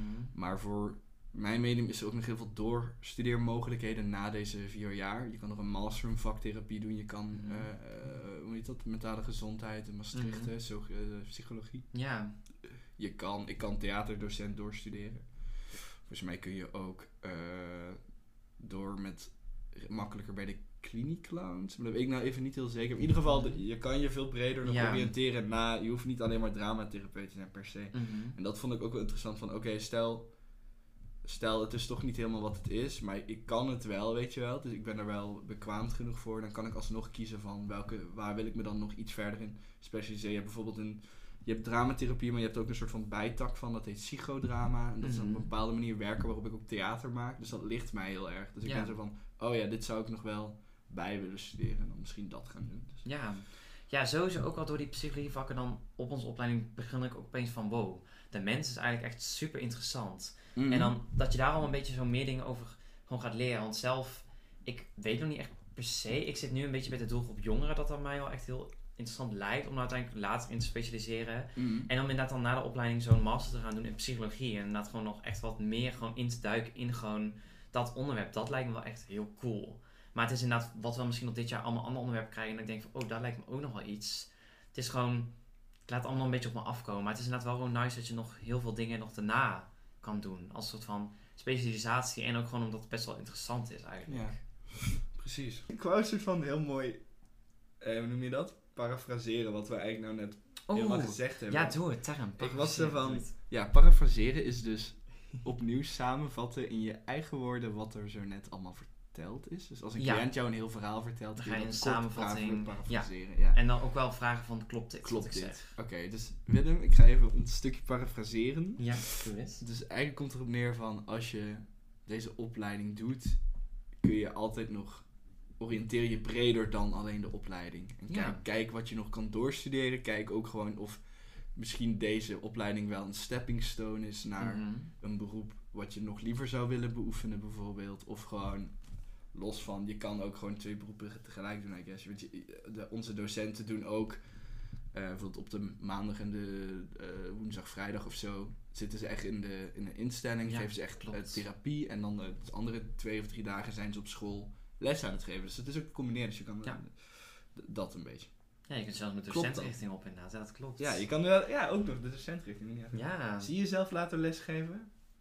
I don't know. Ik weet het niet. Op zich is dan onze leeftijd vind ik dan nog wel een beetje een soort van leukere leeftijd om dan les te geven. Niet dat alle andere mensen, kinderen stom zijn. Ho. Laat ik me eventjes, eh, laat ik me eventjes inpakken meteen. eh. Maar ehm, het is gewoon meer, omdat je dan op zo'n level zit dat inderdaad gewoon, gewoon lekker werkt of zo. Het is net, je bent niet minder, je bent niet meer, zeg maar. Mhm. En je kunt elkaar dan gewoon een beetje als gelijke behandelen. Dat lijkt me gewoon heel nice. Als je gewoon als docent gewoon je ervaring gewoon en gewoon gaat lesgeven. En die studenten zijn ook echt geïnteresseerd in wat je zegt en zo. Ja. Je mag je wijn schenken hoor. Mag je dat. Ik Ja, dacht, zeker. Ja, ik dacht, wacht Ja. even, uitgesproken. Je was echt aan het wachten, zo heel schattig heel van, mag ik? Mag het. Ja. Harde werkdag. Nee, we hebben gewoon vrij vandaag. nee, nee, je bent... Dat had je ook nee, niet moeten nee. zeggen. nou, je bent trouwens nooit vrij. Dat is echt Nee. mijn, een van mijn Ja, docenten. oh, ja, en ook studenten pakken je daar echt op hoor. Als je dat zegt, dan zijn ze echt van, Ja, vrij? ja, in ons jaar zeker. Wij, Ja. wij hadden dat... In het eerste jaar denk je misschien... Oh, ik heb echt veel tussenuren. Of ik heb echt veel vrij. En eh, een klasgenoot van mij zei dan een keer in de les. En toen zei onze docent... Nee, dat klopt niet. Je bent nooit vrij. Ja. Je bent lesvrij. Ja, Dus, maar dat is eh, ook echt, maar weet je, daar merkte dan ook bij mij in de beeldenklas, als dan mensen dat zeiden van, oh die les, of die dag hebben we geen les, dus dan zijn we vrij. Die mensen zijn ook allemaal nu gestopt. Like, geen, geen- Ja. Om geen spoilers te zeggen, maar zeg maar, ah, dat met zo'n zegt. instelling, ja, dat is al best wel lastig. Want je moet echt wel best wel nog gewoon uren naast gewoon je lessen wel gewoon zelf inplannen. Dat is echt wel een verantwoordelijkheid. En als je dat niet en doet. ook, ook gewoon om op elkaar te kunnen bouwen. weet je ja, kom, zeker. Kom naar je mixed media's. Ook al zijn ze misschien niet altijd even waardevol. ja, kom ook gewoon... naar je les. Oh, dat moet je niet zeggen. Het zijn allemaal heel waardevol. Ze zijn allemaal heel waardevol. Maar ik Ja. bedoel maar... Zelfs als jij er op dat moment misschien minder waarde in ziet... Ja, Is het ook gewoon, Gewoon fijn dat je dat wees bent voor je, ja. voor je, voor je medestudenten. Want je moet Mhm. op elkaar bouwen binnen deze opleiding. exact. Ehm, ja, oké. Hoe zien de lessen eruit? Heb ik opgeschreven. En dan denk ik dat we het Ehm. wel even voor het eerst kunnen hebben. Want het tweede moeten we nu pas gaan ervaren natuurlijk. Ja, klopt. Nou, met eerste, ja, je, je, hebt dan, je krijgt dan, ja, we noemen het dan leerlijnen, zeg maar. Dus echt gewoon vijf verschillende soorten type lessen. Dus je noemde al eerst gespreksvoering. Nou, dat behoorde dan onder leerlijn 4. Ja. Dan ga je vooral echt daarop focussen.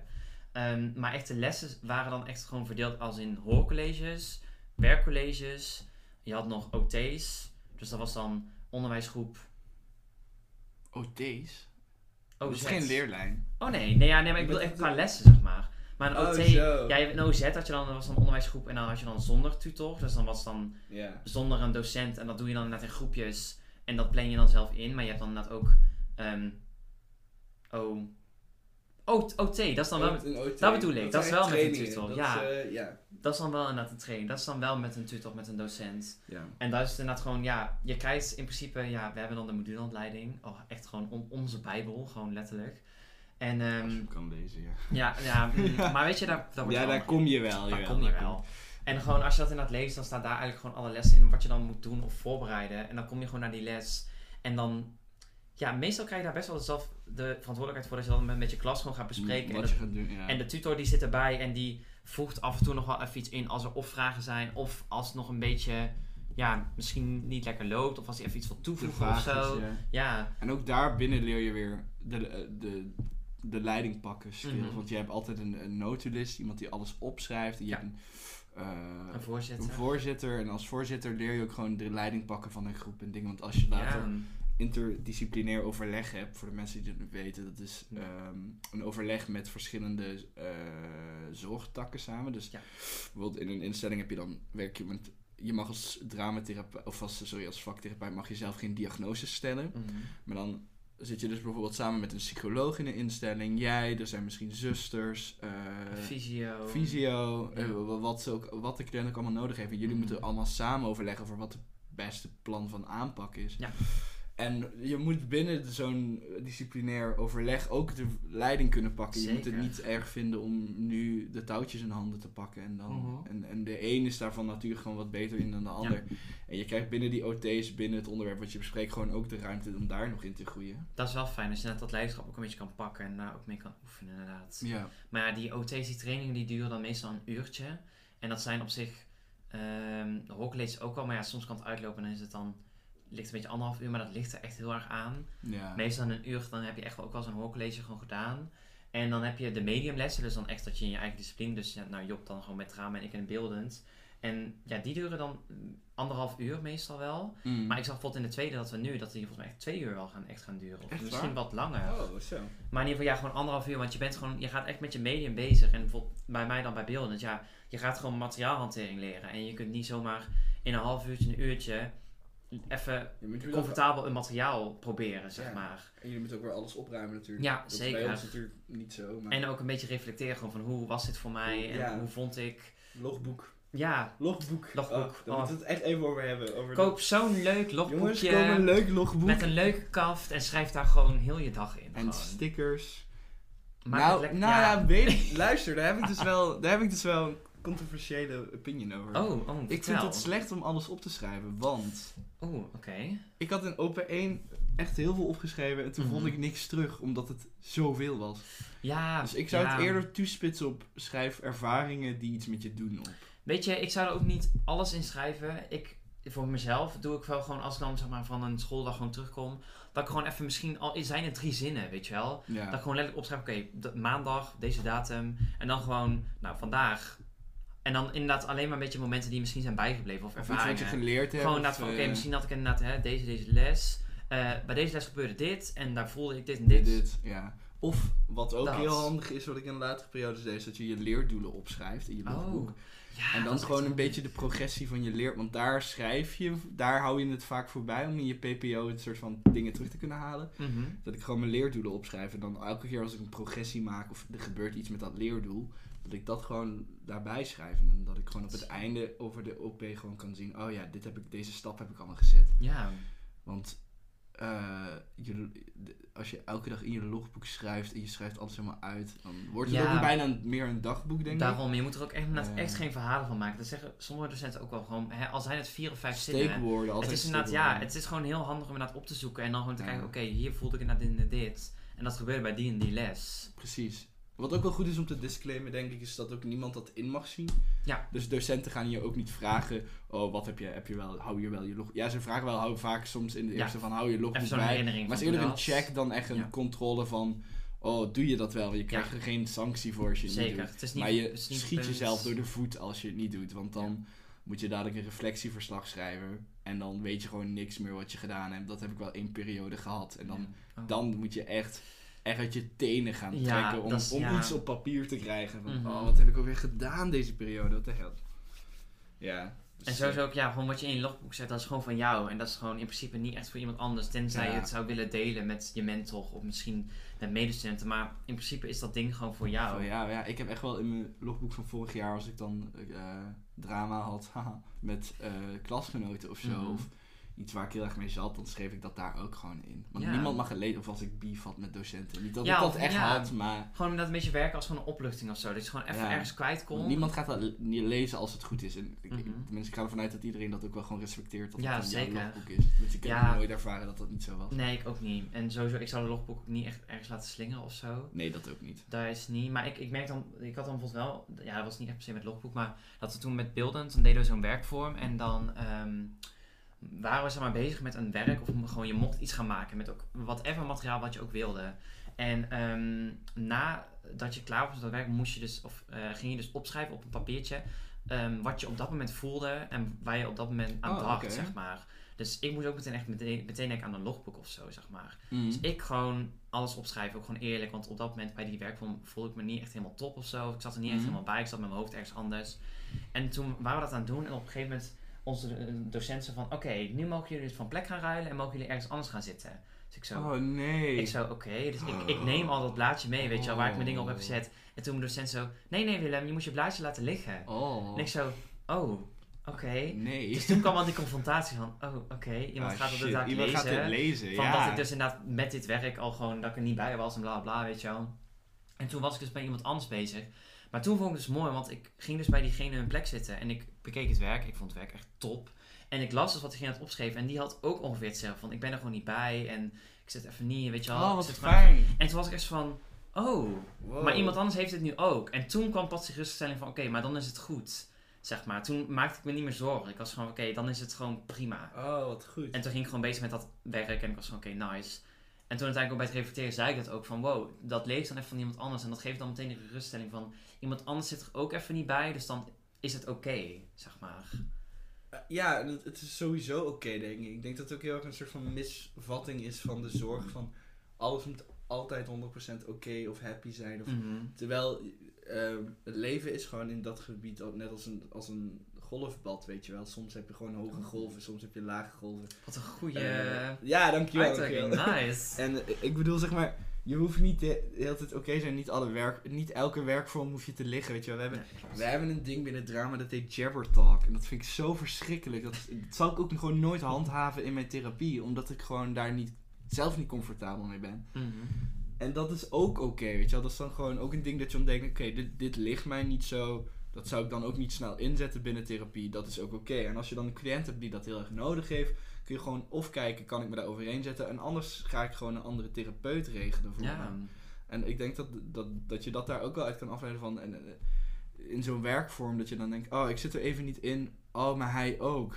En dat is oké. En dat ik denk dat dat heel mooi, dat dat een soort van heel mooi deel is van ons beroep. Want dat is ook met vaktherapie wordt vaak zo zweverig omschreven, omdat we eigenlijk proberen, te, proberen het uit te leggen, of we proberen eigenlijk te bewapenen het effect van kunst op de mens. Ja. En dat is zo eh, abstract eigenlijk, dat dat heel lastig Ik snap ook niet als ik onderzoeken lees van hoe hebben ze dat in godsnaam voor elkaar gekregen. Want je bent gewoon letterlijk proberen te achterhalen waarom schilderen bijvoorbeeld rustgevend is. Hoe Ja. ga je dat in godsnaam verantwoorden? En gewoon dat nadenken, mensen geven dan sommigen dan bij de eerste stap al een beetje op. En dan wordt het al meteen als zweverig gewoon gelabeld. Omdat ze het gewoon op een of andere manier toch Oh, gewoon een... Het is spiritueel. Ja, dat. Nee, dat Zo van, ik wil het een naam geven, want het, ik, ik, kan, ik wil niet het verder labelen, denken van ik wil het niet verder snappen. Dus ik label het maar als spiritueel of ik label het maar als zweverig. Maar dat is het gewoon niet. Terwijl, terwijl, het- ja, terwijl ik denk van... Het is gewoon, het is gewoon super lastig of Ja. zo. Het is niet het is ons niet maar uitleggen, weet je wel. Hier is het onderzoek, hier zijn Ja. theorieën. Maar het is, gewoon, het is gewoon moeilijk om kunst, weet je wel. Het is moeilijk om te verklaren waarom muziek je emotioneel maakt, bijvoorbeeld. Mhm. En dat, het is wel te verklaren, maar dat Ja, is gewoon lastig. Dus lastig, ja. En dan zeggen we, oké, het is spiritueel. Maar je kan niet ontkennen dat... Want muziek en film en alles en al die kunstvormen zijn al eeuwen, eeuwen, eeuwen, eeuwen oud. En we blijven het doen. Dus je kan niet ontkennen dat er geen waarde in zit. Zeg maar, qua, qua dat, dat dat niet, niet therapeutisch kan Ja. werken. Vooral ook muziek. Want we blijven het ook doen. Zeker als je naar muziek kijkt naar ouderen. Ik had, we hadden zo'n filmpje gezien. Ja, met al dementie ook wel, met, ja. ja. dat is zo'n vrouw die was, de- die was dementerende. Die was ook al echt heel oud volgens mij. Mhm. En die was bijna, ehm, nou ja, bijna niet responsief naar niks. Mhm. Dus bijna geen inputs. eh, kreeg iets terug. En dan was een muziektherapeut die ging dan muziek met haar maken. Toen kwam ze helemaal weer tot leven. En Ging dan ze zie je inderdaad gewoon, ja, ledematen gewoon, je ziet die armen dat ze Gewoon mee wil bewegen. want dan zie je gewoon herkenning in, in haar gezicht. En dat is zo mooi om te zien. Dat je dat dan zo bij iemand kan opwekken eigenlijk. Ik ben echt zo, want in dat opzicht is ons vak ook wel zweverig, omdat het gewoon bijna magisch is. Dat wij. Ja, maar eigenlijk is het wel een Ja. soort, vind ik het wel bijna een soort van magisch dat wij kunst kunnen weaponizen in, in Dat wij sense. kunst naar therapie dat wij kunnen kunst naar onze hand kunnen zetten om een bepaald effect te krijgen. Dat, dat is like bijna kunstbending. Like, als je het in avatar terms voelt. Oh my god. Wij kunnen gewoon Oh, kunstbenden, snap je? Damn. een bepaald resultaat. Wij voeren jou de Mona Lisa. God, nou ja.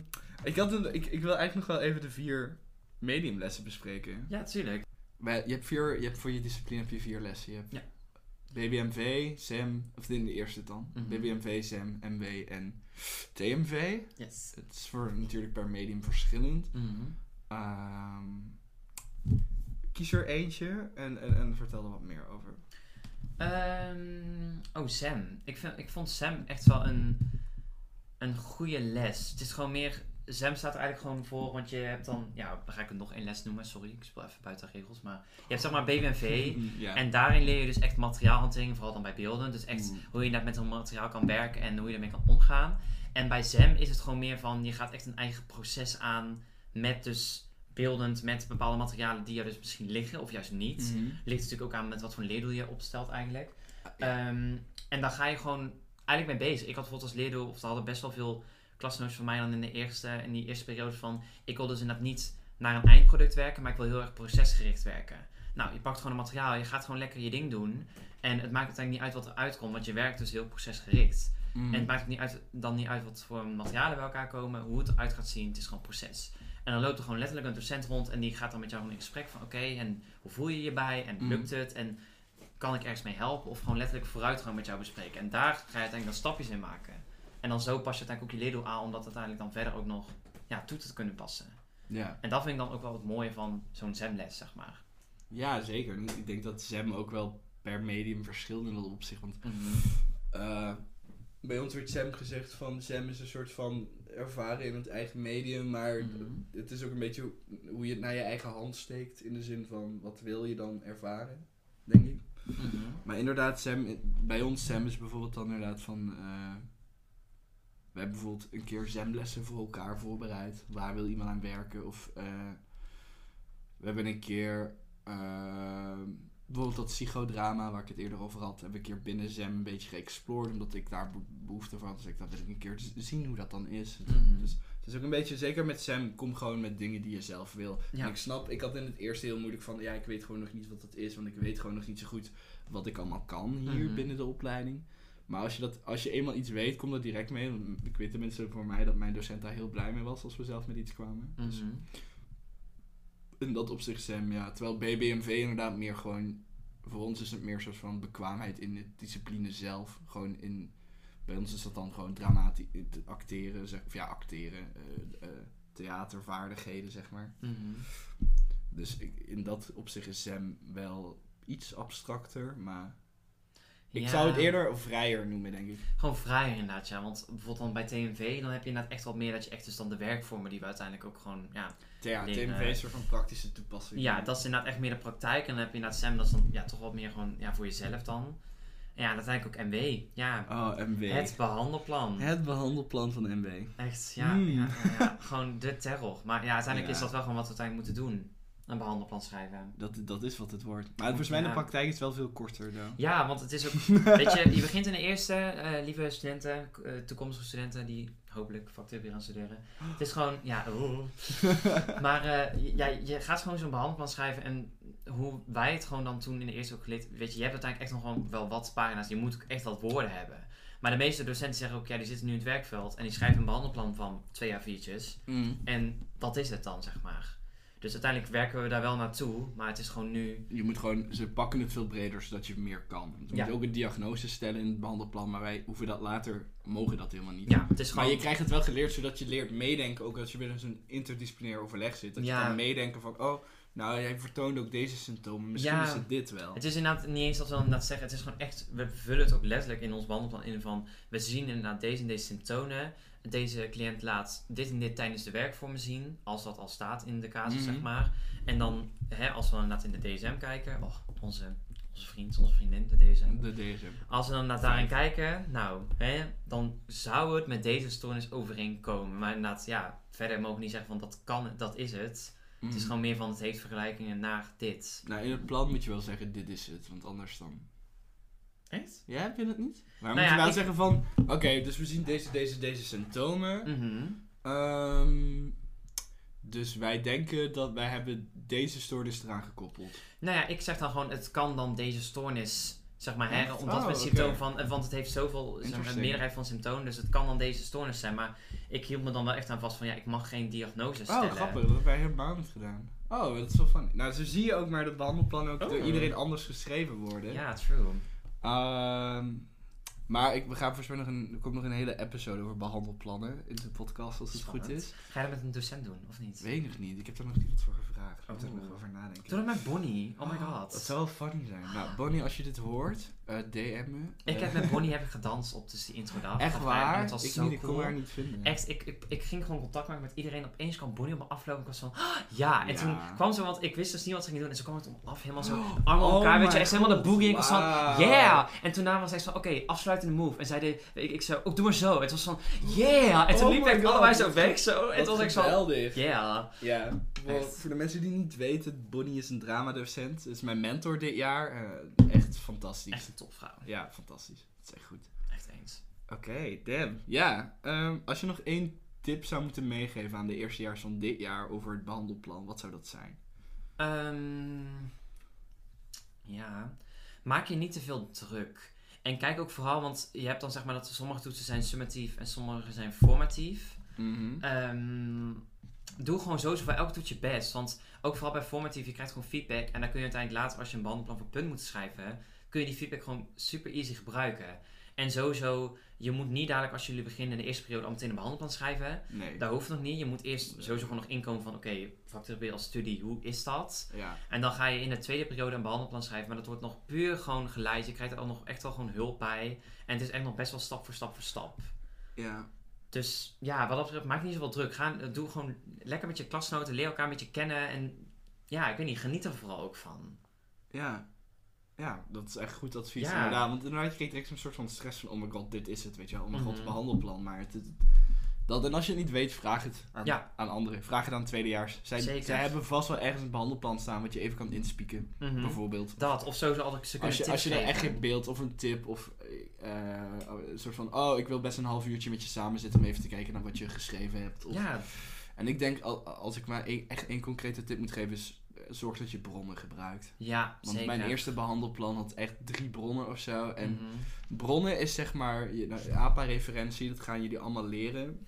dat komt allemaal nog. Dat komt allemaal nog, maar als je geen bronnen gebruikt, dan kun je eigenlijk net zo goed niks schrijven. Ja, Want klopt. Zonder bronnen is het, blijft het zweverig, zeg maar. Ja, dan baseer je het uiteindelijk op Op niks. niks. En niet, niet echt op iets wat Dus dus, werkt. Als jij denkt van, oké, ik doe dit omdat ik dit effect wil, ga een, onderzoeksartikel of een boek zoeken. Altijd Henk Smeisters eh, altijd handboek van goeie. creatieve therapie Ja. staat altijd wel iets in. Zeker. Eh, wat, aan, wat, wat zegt, ja, dit, dit, dit, deze oefening, deze werkvorm veroorzaakt dit. Bijvoorbeeld, Mhm. Ja. eh, als je bijvoorbeeld mensen met depressieve stoornis, eh, met bewegingstheater, Mhm. even voor mijn medium. Ik wou bewegingstheater heel graag gebruiken, omdat ik dat zelf heel veel inzet. Bewegingstheater, mensen met depressieve stoornis? Ah, eh, een van de hulpvragen is eh, activering. Eh, ik, hoe, hoe gebruik je bewegingstheater om een cliënt te activeren? Ah, ik vind een boek waarin staat dat beweging op een bepaalde manier spiegelneuronen triggert. En die spiegelneuronen zorgen ervoor dat er energie opgewekt, bla bla bla, weet ik veel. Dat is niet precies, don't quote me on dit, maar het kwam basically Nou, het heel kort door de bocht. Ja, ja, neer. Maar dat, kijk, dit kan ik zelf wel verzinnen, maar ik zoek dan een bron in een boek die dat soort van beter Ja, uitlegt. het gaat gewoon letterlijk om dat je het baseert op gewoon feiten Ja, en dus dingen die er gewoon zijn. Gebruikbronnen, Ja. docenten gaan daar goed op. Zeker. Ja, echt. Die zijn dan zo blij. Dat is echt. En ook in de, van, in de tweede moet je dan twee bronnen gaan zoeken die hetzelfde zeggen. Oh ja. Wordt het nog, er, Dus wordt het maar nog counterpart eigenlijk. Van die ene zegt dit en de ander zegt dat. Dus wat doe je dan, zeg maar? Nee, twee bronnen zeggen hetzelfde. Hetzelfde, hè? Ja, dus je zegt, oké, dus je stelt bijvoorbeeld, oké, weet ik veel, met kwasten werken is goed voor Je motoriek. bijvoorbeeld. Jij zegt dat, Willem, Mhm. Willem, jij schrijft dat in je Ik behandelplan. schrijf dat, Dan moet ja. jij volgens mij dit jaar twee bronnen zoeken die allebei zeggen, ja, inderdaad, als je kwasten gebruikt, wordt je motoriek beter. Oh. Ja, dat klinkt op zich wel Want logisch. dan wordt, dan wordt het ook betrouwbaarder, wat je zegt. ik- Fair.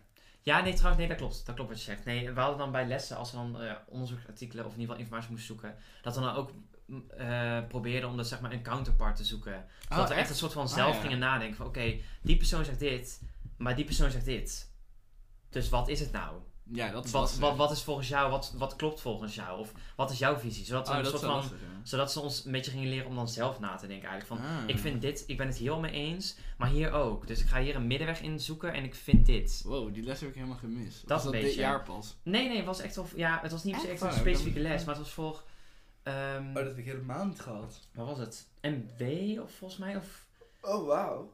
Of misschien heb ik het wel gehad, maar heb ik het gewoon niet onthouden. Sorry, sorry Bonnie. weet je, vakantie, vakantie. Sorry MB-docent. Ja, Eh, Nee, ja, ik weet echt ook niet per se voor welke lijn dat was. Maar het was inderdaad echt dat ze dan ons, gingen motiveren. Oké, als je nou echt artikelen zoekt. Weet je, je kan inderdaad wel één artikel zoeken en die Ja. zegt dat. Maar wie zegt dat dat dan echt 100% Dat is? Want er, zijn, er is van alles, weet je, Ja, dat meer precies, een beetje. ja. Boah, ja, inderdaad. Holy shit. Mind opening. Na, Ah. na boeien, dat mag wel, vind ik. Ja, Toch? dat kan nog wel. Weet je, we hebben niet kinderen die kijken, denk ik. ik Luister, hoop nou, het niet. weet je, komt goed. En anders, dat woord mag je niet zeggen. Ja, dit is een slecht woord. Ik, luister, ik moet stage gaan lopen op een basisschool. Ik Ja, ben ermee oh. bezig, maar ik heb Gewoon nou... chips. Elk kind houdt van Of chips. kaas. Ik, ik zeg heel veel Kaas. kaas. Dat is best wel lekker. Oh, kaas. Ja, maar het klinkt best... Ja, nou, je moet het eens even proberen. Ik ga het, ik ga het proberen. Dus deze ga ik onthouden. Oké, afsluiten met het behandelplan. Eh, ik had, ja, de volgende vraag was hoe is de toetsing? Dat hebben we natuurlijk met het behandelplan al een beetje gehad. Mhm. Daarnaast is de grootste andere toetsing denk ik de PPO-verslagen. Ja, weet je, ik, ik vind op zich, want nu hebben ze dan de toetsing of sowieso een beetje ons rooster hebben ze veranderd. Want vorig jaar hadden we dan negen weken school, of ja, ja, een beetje een soort van negen weken school. En dan had je in de negende week, had je al wel een beetje van, oh, we gaan toetsen inleveren. Of dat was ja, in de tiende eigenlijk. Maar het was zeg maar, je had dan negen weken gewoon les. In de tiende week ging alles inleveren. En dan had je meteen daarna week één van de nieuwe periode. Dus je had zeg maar eigenlijk geen moment om stil te staan. Nee. Want het was gewoon, je moest Door. door. Gewoon Ja. dat. Terwijl nu hebben ze het veranderd dat we nu acht weken les hebben. We? Negen toetsweken. Negen toetsweken en dan tien projectweek, Ja. zeg maar. En dan ga je gewoon door naar de volgende periode. En dat lijkt me echt super chill. Maar ja, kunnen we nog niks over zeggen, want dat moeten we nog ervaren. Maar ehm, ik weet nog wel dat ze toen in de eerste jaar best wel opbouwend hebben gedaan. Dus in die eerste periode moesten we gewoon een presentatie geven over kunstgeschiedenis. Oh ja, het kunstgeschiedenis. En op zich, weet je, dat moest je ook in een groepje doen. Dus dat vond ik zelf ook best wel spannend. Omdat ik al zelf was van, ik wil het gewoon goed doen. En nu moet je wel meteen met een groepje, moet je hè, Mhm. goed allemaal liggen. En dat moet allemaal een beetje goed gaan. Dus dat vond ik wel spannend. Maar dat was wel de enige toets waar je op ging focussen. Dus dat was wel relaxed. Ja. En daarna hadden we toen in periode 2 opeens echt best wel veel. Behandelplan, PPO. eh wat dan nog meer? Oh, echt Oh, die leerlijn 3, die, die, die psychologie toets hadden we toen. En inderdaad, leerlijn 4 moesten een Oh, de eh, verslag schrijven. De, de, de analyse. De, De analyse. filmanalyse. Ja, dat komt ook allemaal nog. Dat gaan we nou niet zeggen, want nee, we weten al wie we eruit we gaat gaan niet heel veel spoilen, maar het is wel... Anders zie de toetsing... eh, Oké, in de tweede periode was wel heftig. Dat was echt over wel- het algemeen ja. vind ik de toetsing wel gepast Ja. of zo. En echt gewoon, gewoon wel haalbaar, zeg maar. Ja, dus, like, dus de, je kreeg een toets voor psychologie en dat is ook Mhm. wel een soort van... Ja, dit vind ik wel fair dat ze dit van ons vragen. Zeker.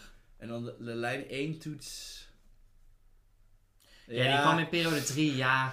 Weet Wat je, kan ik daarover zeggen? het was gewoon, het, wa- het was sowieso heel raar, want de- we wisten dan dat leerlijn 1, nou dat is dan onderzoekend vermogen, voor de kijkers die dat nog niet... eh dus dat onderzoekvermogen, dat is dat zijn vooral echt gebaseerd op onderzoek. En hoe doe je onderzoek? doet, ja. Hoe onderscheid je het? Is het betrouwbaar? Ja. Kwaliteit. En dan was er ook boektoets. En dat was zeg maar allemaal gewoon prima, want we mochten aantekeningen meenemen. Maar toch had je wel zoiets van, ik weet niet wat ik kan verwachten bij die toets. Dat is redelijk verwarrend. Want hier, bij lessen ging je niet echt oefenen met vig- vignets. Dus een beetje verhaaltjes. En dat Ja. kun je eigenlijk een beetje, op- ja, niet per se casussen, maar gewoon een soort van In, wel gezegd, ja. Ik een kleine casus wel een beetje. Een kleine kaas. Ja, en daar hadden we dus dan niet per se echt mee geoefend. Dus dan kreeg je dan opeens de toets. En ik was echt van, oh, oké. Maar ja, op zich met aantekeningen kwam ik er dan wel uit. Maar dat is toch dan wel even van, oh. Nou, wat ik heel verwarrend vond, dat bepaalde terminologieën hetzelfde betekenden. Ja. Maar dan stonden we een hoorcollege PowerPoint dit, maar dan zei Maartje Dat. dat. En dan Mhm. op de toets werd het weer anders gevraagd. En dan Ja, was ik in de war. Maar dat Ja. is iets heel persoonlijks. Ja, Honestly, maak je niet te veel zorgen voor volgens lijn 1. best wel iedereen had hem gehaald, volgens mij, die toets. Dacht Ja, ik. ik heb hem wel moeten herkansen. Maar Oh, ja. volgens mij, maar toen heb ik hem wel gehaald. Maar daarna had Met iedereen... vlag en wimpel ook. Dus. Weet je, top. Hoor je dit? Hoor je Ja, dit? het- Dit het komt allemaal goed. Ook, like, herkansingen is echt fijn, honestly. Echt letterlijk. Ik bedoel, Soms ik, kun je beter herkansen ja, zelfs. zeker. Maar probeer hem toch maar gewoon in één keer te halen. Het is gewoon, ja, weet je, ik zit hier nu ook in mijn tweede jaar en ik heb eigenlijk ook nog niet meer B. Ik mis één toets, dus die psychologie Echt en eh waar? van leerlijn 3, ja, die had ik niet gehaald. Ik had, eh, oh, dat ik had ik die, helemaal niet. die eerste keer had ik toen een 4,8 of zo. En toen die Oh. tweede herkans had ik een 5,1. Maar daar was ik dus ook echt koude onzeker over. Want Oh eh, shit. ja, ik had die toetsen altijd op journalistiek en die haalde ik ook nooit. Want het zijn meer keuzevragen. En bij meer keuzevragen ga ik gewoon stressen. En eh, dan Ja. heb ik dat, weet je wel. Ik heb het echt net gehaald, volgens mij, die toets. Ja, weet je, ik had hem gewoon net niet. Maar op zich, het was niet erg. Want ik heb voor de rest wel alles. Ja. Dus ik mag gewoon over. En ik ga die toets gewoon dit jaar Herkansen en dan ga je gewoon halen. En dan Ja. Dus het is, Anders, het eh, is niet erg, weet je. Het Ja. kan echt gebeuren, weet je. Er zijn ook allemaal Ja. mensen... Daarom. De psychologietoets is ook wel het meest wat op een toets lijkt die je al gewend bent qua... Ja, gewoon echt Gelijk stof. een middelbaar toets. Gewoon Mhm. kennis stampen. Ik Ja. weet nog, ik zat met mijn klasgenoten bij de groene bankjes. Als je op Zuid, hier in Zuid zit, weet je wat ik bedoel. Ja. En we zaten gewoon letterlijk op, met onze handen op ons zo van frontale kwap. Eh, zo, doe dit. De eh, linkse helft doet dit. Weet ik, ik weet het al niet Oh, meer. heerlijk. maar zo, zo snap je het wel. Zo ja, je we echt hadden echt zo de slapen, de dit, de achter, achterwand. tijdens de twijfelen. ehm Oké, Ze zaten- slaap. Maar daar Eh, kwam uiteindelijk niet eens een vraag over. Oh dus ja, waren is- echt ja. zo van, wij hebben dit helemaal choreografie voor ons brein bedacht. En Dat wordt echt gewoon niet gevraagd. Dat is echt zonde. En dan krijg je wel een foetusvraag. Dat ik denk, ja. Zo van, ja, waarom moet dit nou? ja, nou, nou, dat niet per se. Maar dat ik denk, nou ja, dat kun je niet uitbeelden. Foetus. Dus lekker deed zo op je stoel. Zo, ja. Nou, honestly, die toets had me dat wel bijna willen doen hoor. Het zal... Ja, ik vond Nee, het- hij is wel ja, doenbaar, maar hij is was wel wat te doen, maar het was gewoon wel heftig, zeg maar. Gewoon, want je, je pro- probeert gewoon moet volle focus want- op elke vraag. En dan heb je 60 vragen. En dan, ja, oh, en dan op het einde, als ik het ene laatste vraag verluister, krijg je dan zo'n casus die je dan moet lezen. En daarop een vraag dan antwoorden. Dat is wel lastig, ja. Oh, dat moet nou, je echt ja, interpreteren. Mijn brein was toen echt wel gewoon, gewoon fried. Want ik had zoiets van, ik heb heel die toetsen gemaakt en Ja. nu moet ik opeens een casus gaan beoordelen. En op zich, weet je, uiteindelijk, het is ook echt wel wat we moeten gaan doen. Maar gewoon als meer als een soort van afsluitende vraag, had ik wel zoiets van, damn, ik heb daar nu echt even geen energie voor. Dat snap ik. Nee, ja, absoluut. Ik had hetzelfde. Jezus, ja. Ehm, dat over toetsing. Ehm, ik heb hier staan, wat ik nog wil bespreken, is eh, mannen binnen vaktherapie. Want ik dat denk, is een goed onderwerp. is wel een goed onderwerp. Ik ben er ook, het is ook een onderwerp waar ik een beetje bang voor ben. Omdat ik bang ben dat ik iets zeg. dat- Hoezo? Nou, weet ik niet. Ik ben altijd op dat gebied altijd bang dat ik een uitspraak maak waar ik spijt van krijg. Dat Oh. kan ook heel erg in mijn eigen ervaring liggen, omdat ik Ja, maar ja, als we het toch gewoon laten uit onze ervaringen, gewoon uit Dat is waar, Weet je? Maar het, want het is wel natuurlijk een, een ding. Want Ja. onze, onze opleiding is voornamelijk vrouwen.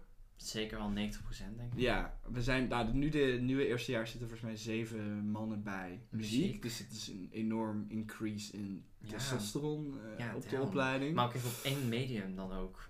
Want dat heeft natuurlijk ook een Ja. verschil. Want ja, bij beeldend zie je niet zo gauw echt heel snel al een... Ja, en dat is natuurlijk ook wel... ook heel- niet, maar Weet je, zo praat je misschien ook heel stereotyperend, maar toch zie je dat ook niet zo heel gauw, zeg maar. Nee, eh, het, is, niet. het is, ja zeker. Het is ook, ehm, zeker omdat wij, wij zijn de enigste, oeh, Ja, nee, ja, we zijn niet de enige. We hebben op zich wel...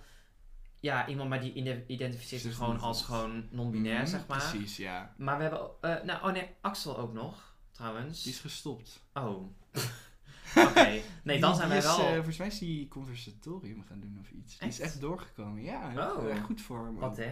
Nice. Ja, precies. Dat is wel maar, chill. maar zeg maar, want ik vind het sowieso. Nou, ik zelf op zich ben ik dan, ik ben er niet altijd heel erg mee bezig, maar Mhm. ik vind het wel belangrijk. Je merkt het wel. Ja, tuurlijk. En op een gegeven moment zei een klasgenoot tegen mij van... Oh, toen ik zei van... Oh ja, ik wil Willem voor de eerste aflevering.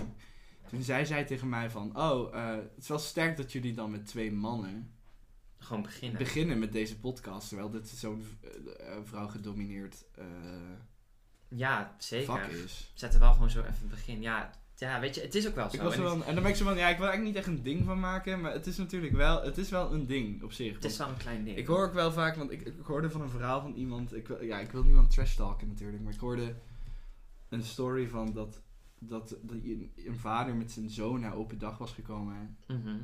En dat hij toen iets vroeg van: Oh, zijn hier op deze opleiding ook echte mannen of zoiets? Oh, oh, En dan denk ik echt: Ja, jongen, oh, deze discussie we ook heel lang gaan dit is echt. eh, maar dan, dan denk je: Ja, dat is ook zo. Maar eh, waarom ik het graag even wil bespreken is omdat ik denk dat dit misschien ook wel een soort van. Ik zou wel snappen waarom je als man een soort van hesitant zou zijn om deze opleiding te gaan volgen. Mhm. Vanuit als je, als je dat zo merkt. Ook als je, als je dat dan denkt van, oh, dat zijn vooral, voornamelijk vrouwen die dit doen. Of ik ben hier misschien niet gevoelig genoeg voor. Of ik heb hier niet genoeg, weet je wel, sociale antennes Ja. voor. Dan denk ik, ja, dat is echt bullshit. Iedereen kan dit. Letterlijk. En dat is, ik, want ook, ik zie zelf echt iemand als, gewoon als man gewoon, doe gewoon je ding. En inderdaad, ga niet allemaal zo stereotyperen van, oh, man is dit niet, dat niet als hij niet gevoelig kan zijn. Mm. Of inderdaad eh, gewoon creatief is, zeg maar. Dat dan ook al meteen is van, oh nee, dan is, hij- zal hij ook wel niet een man zijn. Zo'n bullshit. Wees gewoon jezelf. Oh, dat Ja, ook, ook gewoon omdat we dan... Vaak de mannen die dan op de opleiding zijn, zijn een beetje alternatief. Obviously. Mhm, Maar ja. dan ben ik zo van... Ja, dat is toch op zich ook oké. En wij zijn Ja. ook gewoon... Ik zie ons veel meer als van... eh, nou ja, ik zie er niet eens per se onder... Ik hoor ook vaak van, weet je, ik zit met vijf dames in een klas. Ook van, oh ja, vind je dat wel eens lastig? En dan denk ik, ja, nee, eigenlijk niet. Want het, het, het maakt mij eigenlijk niet zoveel uit. Ja, tuurlijk, op een gegeven moment ben ik er... Op een gegeven moment moet ik af en toe even afschakelen. Ja. Maar dat zou ik met vijf mannen in mijn... Weet je wel, dat zou ik gewoon in een Oh, klasverband gewoon hebben. ja. Dat ik denk, oké, nu ben ik sociaal even op en dan... Mhm. En ik, ik merk ook niet enige seksisme vanuit de opleiding. Nee, of zo. Helemaal niet. niet. Ik, ben er- ik voel juist heel inclusief. En zeker omdat ik ook dan gewoon... Ik ben gewoon een, een witte hetero man. Mhm. Weet je wel. En dan, ik, ben je meest basic persoon. En... Shit. Yes. ja. Maar ik voel me daar helemaal niet soort van. Ik, ik merk dat ik soms wel, als ik op het internet of gewoon in hun leven, dat ik dan denk van, oh, weet je, wel, de laatste tijd heb ik het idee dat mensen een beetje gunnen voor hetero-witte mannen. Weet je wel, wij zijn de postdoeners. En dan, Ja, maar... Dit is wel heel, ik ga nu wel heel politiek trouwens, dat was helemaal niet Nee, maar dan komt er gewoon omdat er geval, bepaalde witte soms- mannen gewoon met uitspraken komen. Ja, en dan is precies. gewoon... En, en, en ik denk, en ik denk van, ja, maar binnen deze opleiding ervaar ik dat zo gelukkig niet. Dat Mhm. iedereen gewoon zo is van, ah, we hebben jou er ook gewoon graag bij. Ja, dat, ja. Eh, het is gewoon prima. En ook nu, het is goed dat er nu zeven mannen bij muziek Mhm. zitten. Dat ik denk, ja, het is zo goed dat er even iets meer mannen zijn. Maar wat ik zo raar vind, is dat vaak in de literatuur die we gebruiken, het wel best wel vaak mannen zijn. Dus Ja. ik denk, er zijn wel veel mannen met ons beroep bezig. Maar er zijn volgens mij gewoon minder therapeuten, heb ik het idee. Ja, of inderdaad gewoon sowieso omdat dat dan nu nog niet zo bekend is. Dat jongens dat gauw gewoon hebben met creativiteit. En dat gewoon dan van, oh nee. En, gevo en gevoeligheid. En gevoeligheid ook. Maar het is sowieso, ja, ik zie ons als man ook helemaal niet als alternatief op deze opkijk. Weet je, we staan juist gewoon sterk in onze schoenen omdat we gewoon weten wat we willen en waar we Ja. voor staan. Dat is het gewoon. En dat we inderdaad ook gewoon een beetje kunnen laten zien dat we gevoelig kunnen zijn. Ja, period gewoon. Weet je? Absoluut, ja, zeker. Dat hoort er gewoon bij. En het is niet dat het dan zomaar iets anders maakt. En ik heb zelf ook, ja, weet je, ik, ik ben dan, omdat ik dan zelf dan homo ben, zeg maar, dat dan als ik dan in klas en dat ik dan ook wel heel snel, weet je, ook met de meiden wordt gezien. Of van, hè, kom dames. En dan is het niet apart van, oh ja, hè, Willem, kom ook. Dat ik ook zeg van, ja, maakt mij niet uit. Dat veel mensen dan vragen, of je dat erg? Of, hè, of zo'n, ja, nee. Nee, maar je- dat heb ik ook. Like, ik word ook gewoon zo van... Weet je, ik word ook wel soms wel als dame aangesproken. Het maakt me echt niet zo heel veel uit. Ik ben zo van... eh, ja, prima, kom maar. Het is van, ja, weet je, Gewoon weten... gezelligheid, Ja. gewoon, weet je. Ik vind het prima. En, ja, precies.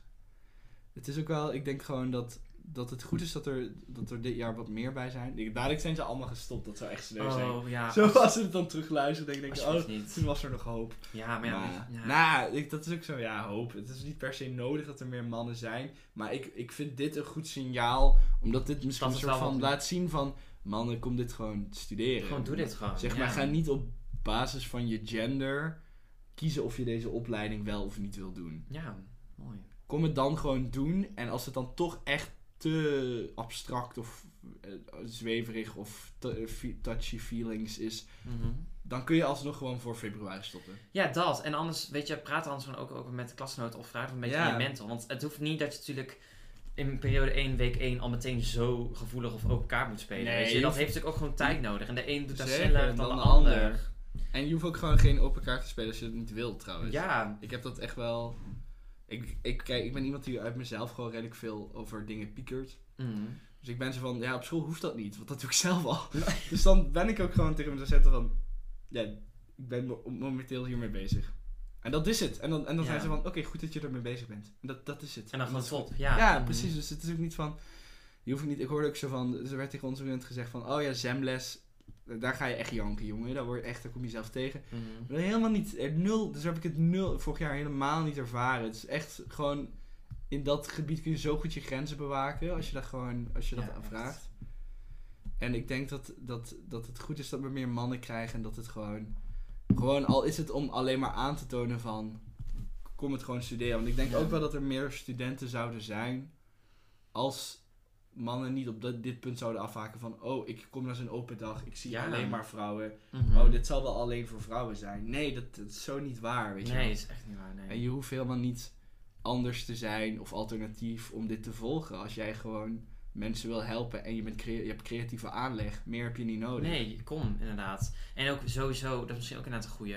Je hoeft er helemaal niet goed in te zijn. Al Nee, heb je inderdaad nul. creatieve aanleg, top. Maar ik, je hoeft echt geen meesterwerk of een Picasso te maken. Of je, moet, kunt, je hoeft inderdaad echt niet per se echt een grote show neer te zetten, weet je wel. Je gaat het gewoon allemaal meemaken en leren. En dat maakt jou uiteindelijk dan juist veel sterker.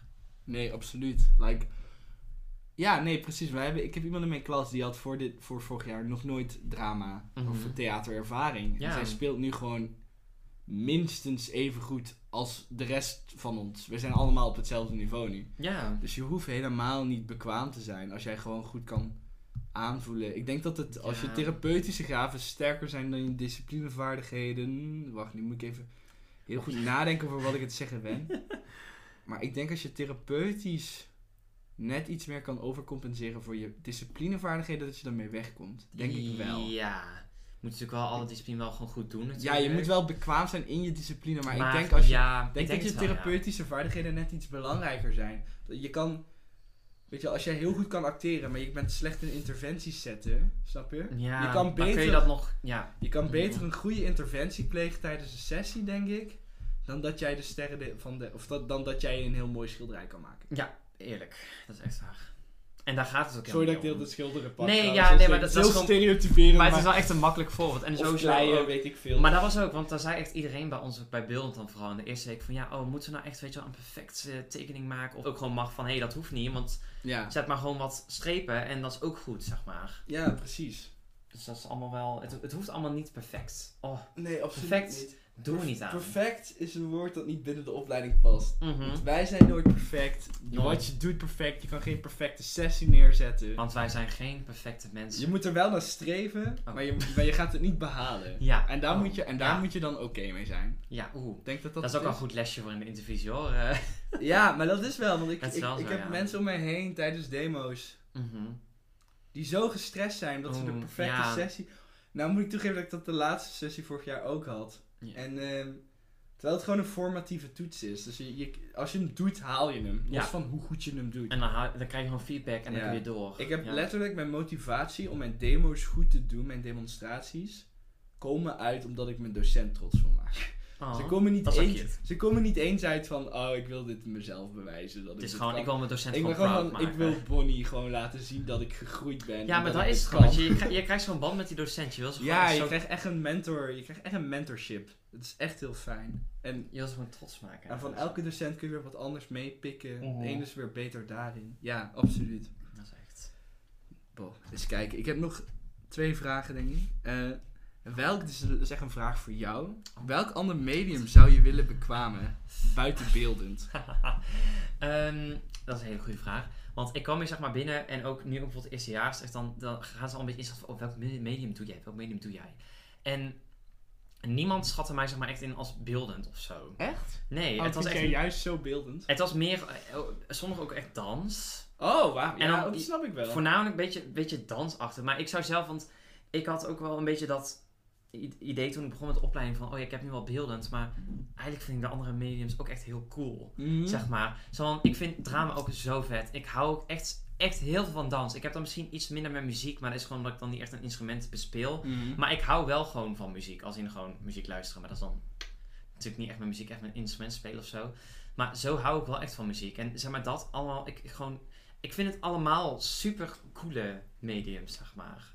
Ja, precies. Maar ik heb niet echt per se eentje die ik echt heel graag zou willen of zo. Het is gewoon echt, ik heb gewoon een combi. Dat zou ik zo vet vinden. Ja, Want ik hou gewoon van, ik hou van drama. Ja, ik heb dan natuurlijk een paar keer met jullie dan met zelfs werkzaamheid. Zo heb ik dan Ja, meestal. precies. Oh, daar hou ik van, weet je wel. En ook dan met dans, als we nog even gewoon kunnen dansen, dat vind ik ook top. En dan met muziek, ja, ja, ik kan natuurlijk zelf geen instrument spelen, maar gewoon wat ik dan bijvoorbeeld met hun heb gedaan, wat we toen met die kinderwerkvorm hebben gedaan, dat vond ik ook gewoon Ja. nice. Precies. Dus weet je, ik heb van allemaal heb ik wel gewoon iets. Mhm. Maar als je één moet kiezen, Ehm, als ik één moet kiezen, als je zegt ik zou dit een week willen volgen op school bijvoorbeeld, laten we het even concretiseren. dan denk, oeh, dan denk ik toch dans. Een week dans? Ja, Ja, want ik, ja, ik weet niet. Ik heb sowieso dat ik al zelf heel erg uit mezelf nu heel erg ben met dansen. En ik, ik dans op elk muzie- muziekje dat ik hoor. En Ja, ik zie mezelf echt Je choreograaf. zit wel in die beweging. Dance moves ja, op een podium, jongen. Echt, dat lijkt me zo cool. Ja, nou ja.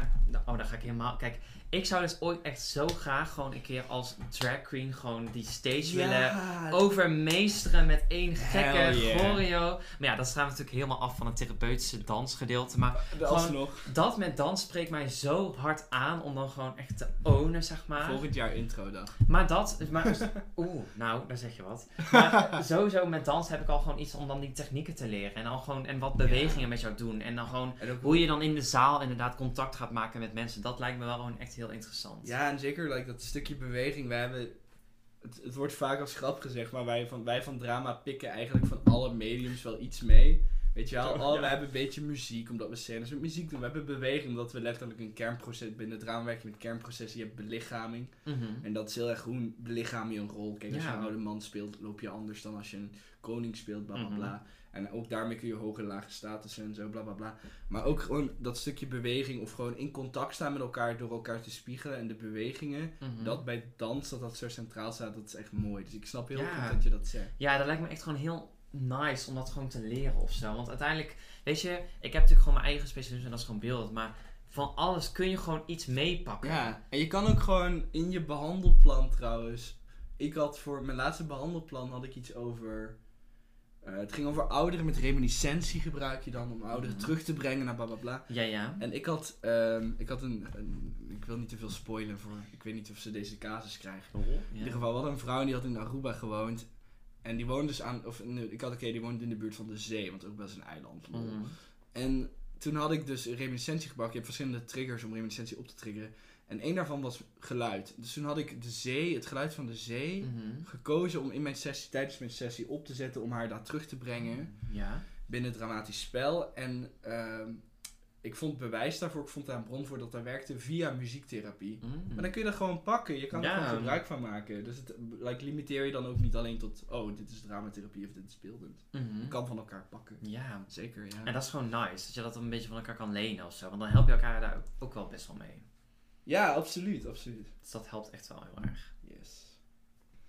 Laten we het hebben over jouw onderwerp. Ik had je gevraagd of je misschien een eigen onderwerp wil meebrengen. Ja, oh my god. Mm. Ehm, met wat wijn op is, gaat denken echt heel lastig. Maar, ehm, Same, de fles is bijna leeg, jongen. het, is 12, het is maar 12%. hè. oh ja, oh 12. Alcohol abuse is dangerous to your health. Oh ja, maar dan is het ook fijn dat ze dat op de wijnfles zetten. Ja, heel goed.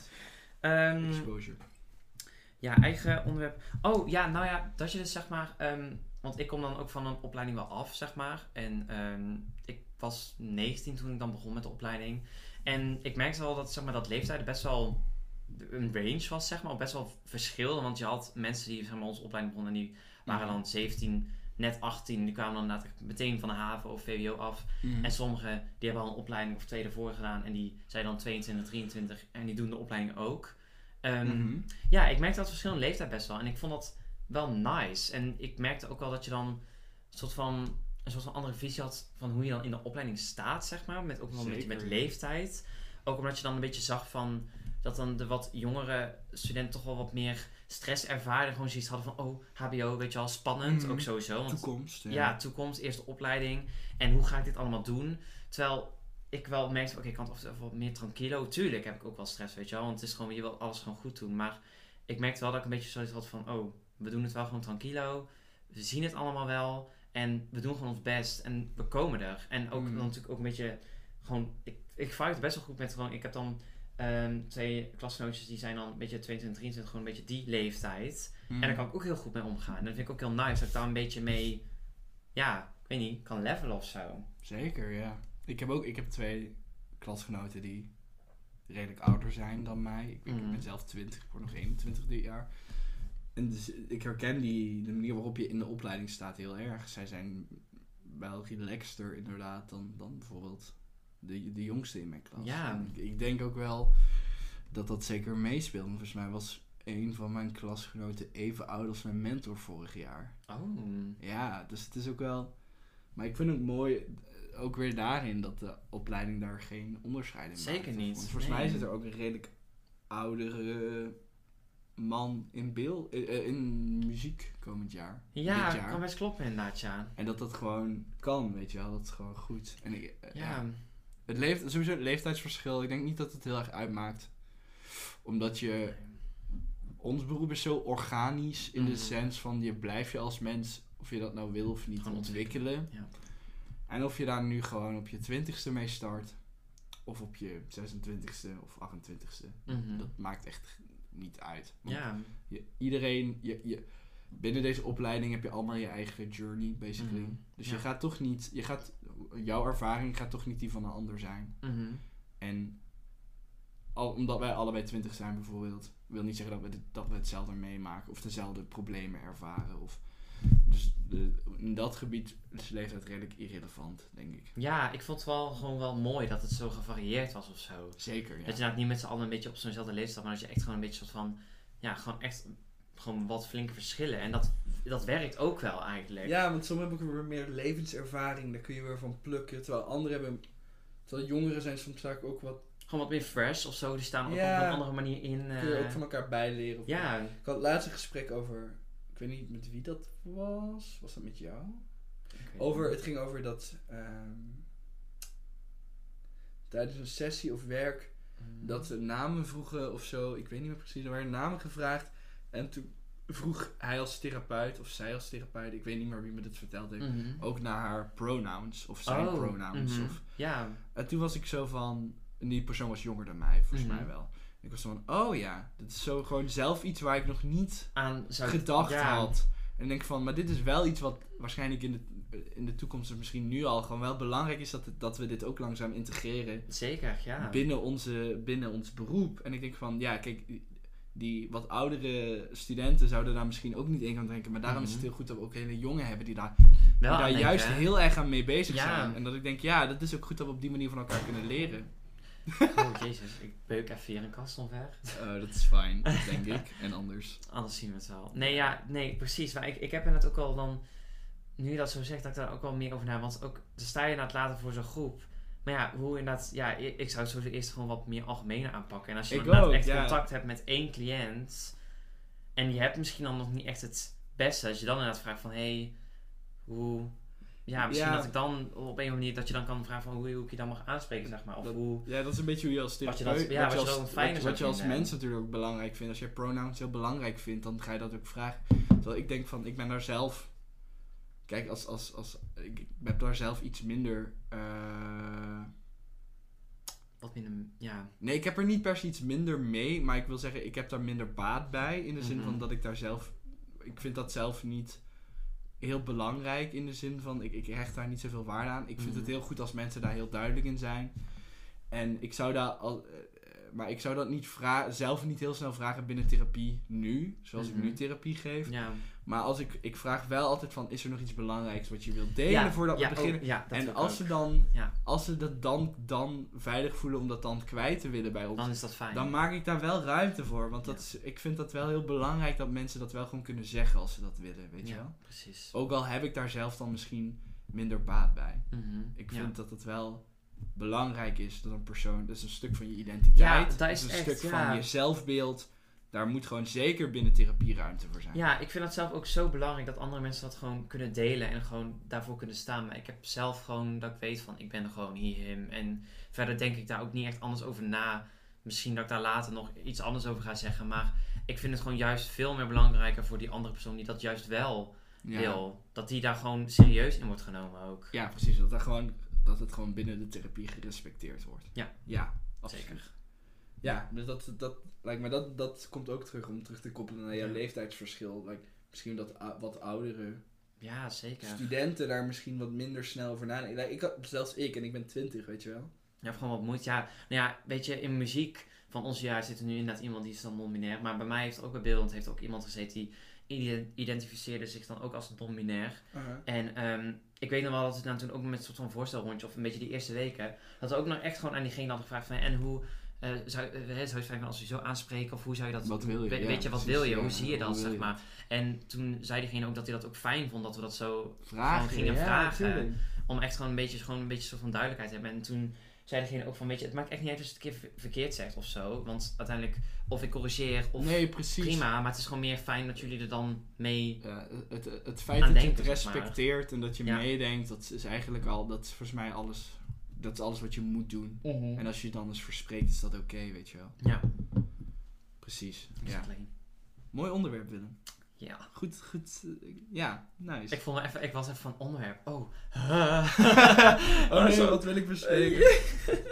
Dus ik van, wat wil ik dat de hele wereld weet? Wat Ja. ik vind over dit onderwerp. Ja, echt dat hè. En dan ga ik nadenken. Denk eh. Eh, maar daarom dat ik ook zo ben van, oh, wat wil ik hierover wel en niet over zeggen? Want dadelijk zeg ik iets onverstandigs. Echt hè, zo'n filter. Maar ja, we hebben nu wijn op, dus die filter... Dit dat filter is eh, gone. Ehm, Nou, ik vind dat ons wel netjes, netjes houden. Ja, redelijk, toch? Ja, zeker. Ja. zeker. Ja. Dus ik, ik dacht, oh, misschien is het nog leuk eh, als een van de laatste afsluitende dingen. Mhm. Om even heel kort een casus te bespreken. Mhm. En dan heel kort dat je concreet vertelt wat jij zou bieden aan die cliënt. Oké. Binnen een sessie. Ja, dat is Om, goed. om ook mensen een soort van beeld te krijgen als, als mensen op dit punt nog steeds luisteren. Als een wat is dat nou? Weet je wel, wat is het nou als je beeldende therapie, waar moet je dan aan denken? Ja. Ik heb even hier geschreven. Dus, oké, het is een vrouw, ze is Mhm. 42 jaar, ze heeft een depressieve stoornis, dat is mee gediagnosticeerd. En ze heeft vooral moeite met grenzen aangeven. Mhm. En ze komt bij jou in de therapie. Ja. Wat zou je nou voor een werkvorm doen met, met, met deze vrouw? Ehm, In- nou zo is mijn beeldend. Nou, oké, moeite met grenzen aangeven, daar kan ik sowieso wel mee. Ik moet vooral dan ook denken, want ik, meestal als je dan één zo'n hulpvraag vanuit de cliënt krijgt, dan ga ik op zich ook wel naar meerdere vragen, weet je. Dus ik moet ook meteen denken activering, ook een beetje met die depressieve stoornis van, ik wil Mhm. toch wat meer dan Juist, ja. helpen activeren. Ehm, ja, het is wel lastig, want ik, ehm, als ik haar zeg maar in het begin zou krijgen, dan zou ik wel iets anders met haar doen dan in het midden. Want ik denk dat als ik in het midden of na het einde met haar een werkvorm zou willen bedenken, dat ik dan echt wel wil gaan naar samenwerken. En Mhm. echt haar daar een beetje in wil laten uitdagen, zeg maar. Ook met grenzen aangeven. Dat je een beetje een soort van leider-gevolger werkvorm, dat ik die ga aanbieden. En Mhm. echt dus ga zeggen van, oké, ik geef haar de leiderschool. Mhm. En ik geef de medecliënt een volgerschool. Ja. En nou, ga, ga leiden en kijk hoe je daarmee omgaat, zeg maar. En, hè, of, en dan ga ik vooral heel goed observeren hoe ze daarmee omgaat. En ja, of dat fijn met jou of nee. En daarna gewoon bespreken van eerst dan haar eigen ervaring. Dan misschien dat ik daarna dan kan zeggen van, nou, ik heb dit en dit gezien, klopt dit? Ja. En dan uiteindelijk zo da- daarna een beetje mee, ja, kijken wat er dus eigenlijk daarmee een beetje aan de hand is. Ehm, met grenzen aangeven kan ik in principe in het begin eigenlijk ook gewoon nog met mezelf als therapeut. Dat ik met haar gewoon een werk ga maken en dat ik dan echt, dat zij gewoon iets gaat maken en dat ik af en toe misschien zeg van, oh, mag ik hier misschien iets toevoegen? Of mag, ik, dit, mag ik dit en dit doen? En dat ze me dan, dan haar eigen grens kan aangeven van, oh, oh nee, nu niet. Of, oh, oh dat mag je wel daar Mhm. doen. En dan hè, zo groot of zo klein. Of echt dat ze mij een beetje gewoon gaat, letterlijk opdrachtjes eigenlijk gaat geven. Ja. Om me eigenlijk gewoon een beetje te gewoon laten zien van... hé, hey, ik ga, geef hier mijn grens en ik wil dit. En uiteindelijk ook misschien een beetje die leiderschool gewoon aannemen. Ja, precies. En je, je hebt het dan even voor een stukje context. Je hebt het steeds over begin of midden. Mhm. Het gaat natuurlijk over het, het thera- Ja. therapieproces. Dus Mhm. bijvoorbeeld 20 sessies. Ja. En dan bijvoorbeeld in sessie 1 tot 5 zou ik dit doen. 10 tot 15 zou ik dit doen. Ja. Ja. En je zegt, ei- eigenlijk wat je nu benoemt is ook eigenlijk een heel concreet, concrete oefening. Van, Mhm. Het is bijna helemaal niet zweverig van... iemand is iets aan het maken Ja. en jij probeert daar wat extra's aan toe te voegen, kun je daarin ja of nee zeggen. Mhm. Het is een soort heel concreet grens aangeven eigenlijk. Ja. Heel kleinschalig. En dan uiteindelijk kunnen we het nog over hebben, hè, van al, heeft ze een keer tegen mij gezegd van, oh ja, je mag hier een rondje tekenen. En ik kom erop terug en ik vraag van, hè, vond je dat eigenlijk ook echt oké? Misschien geeft ze dan ook eerlijk aan, hè, van, oh, nee, nou, eigenlijk- eigenlijk niet, maar ik durfde inderdaad gewoon geen nee te zeggen. Dus- Dan heb je daar ook al een soort van progressie in. Want ze Ja. kan wel aangeven van, ik vond het eigenlijk niet fijn, maar ik heb maar ja gezegd, want ik wist niet wat ik anders moest doen. Nou, dan kun je daar ook weer wat dan kun je daar uiteindelijk mee door naar andere sessies mee werken. zeg Mooi, maar. ja.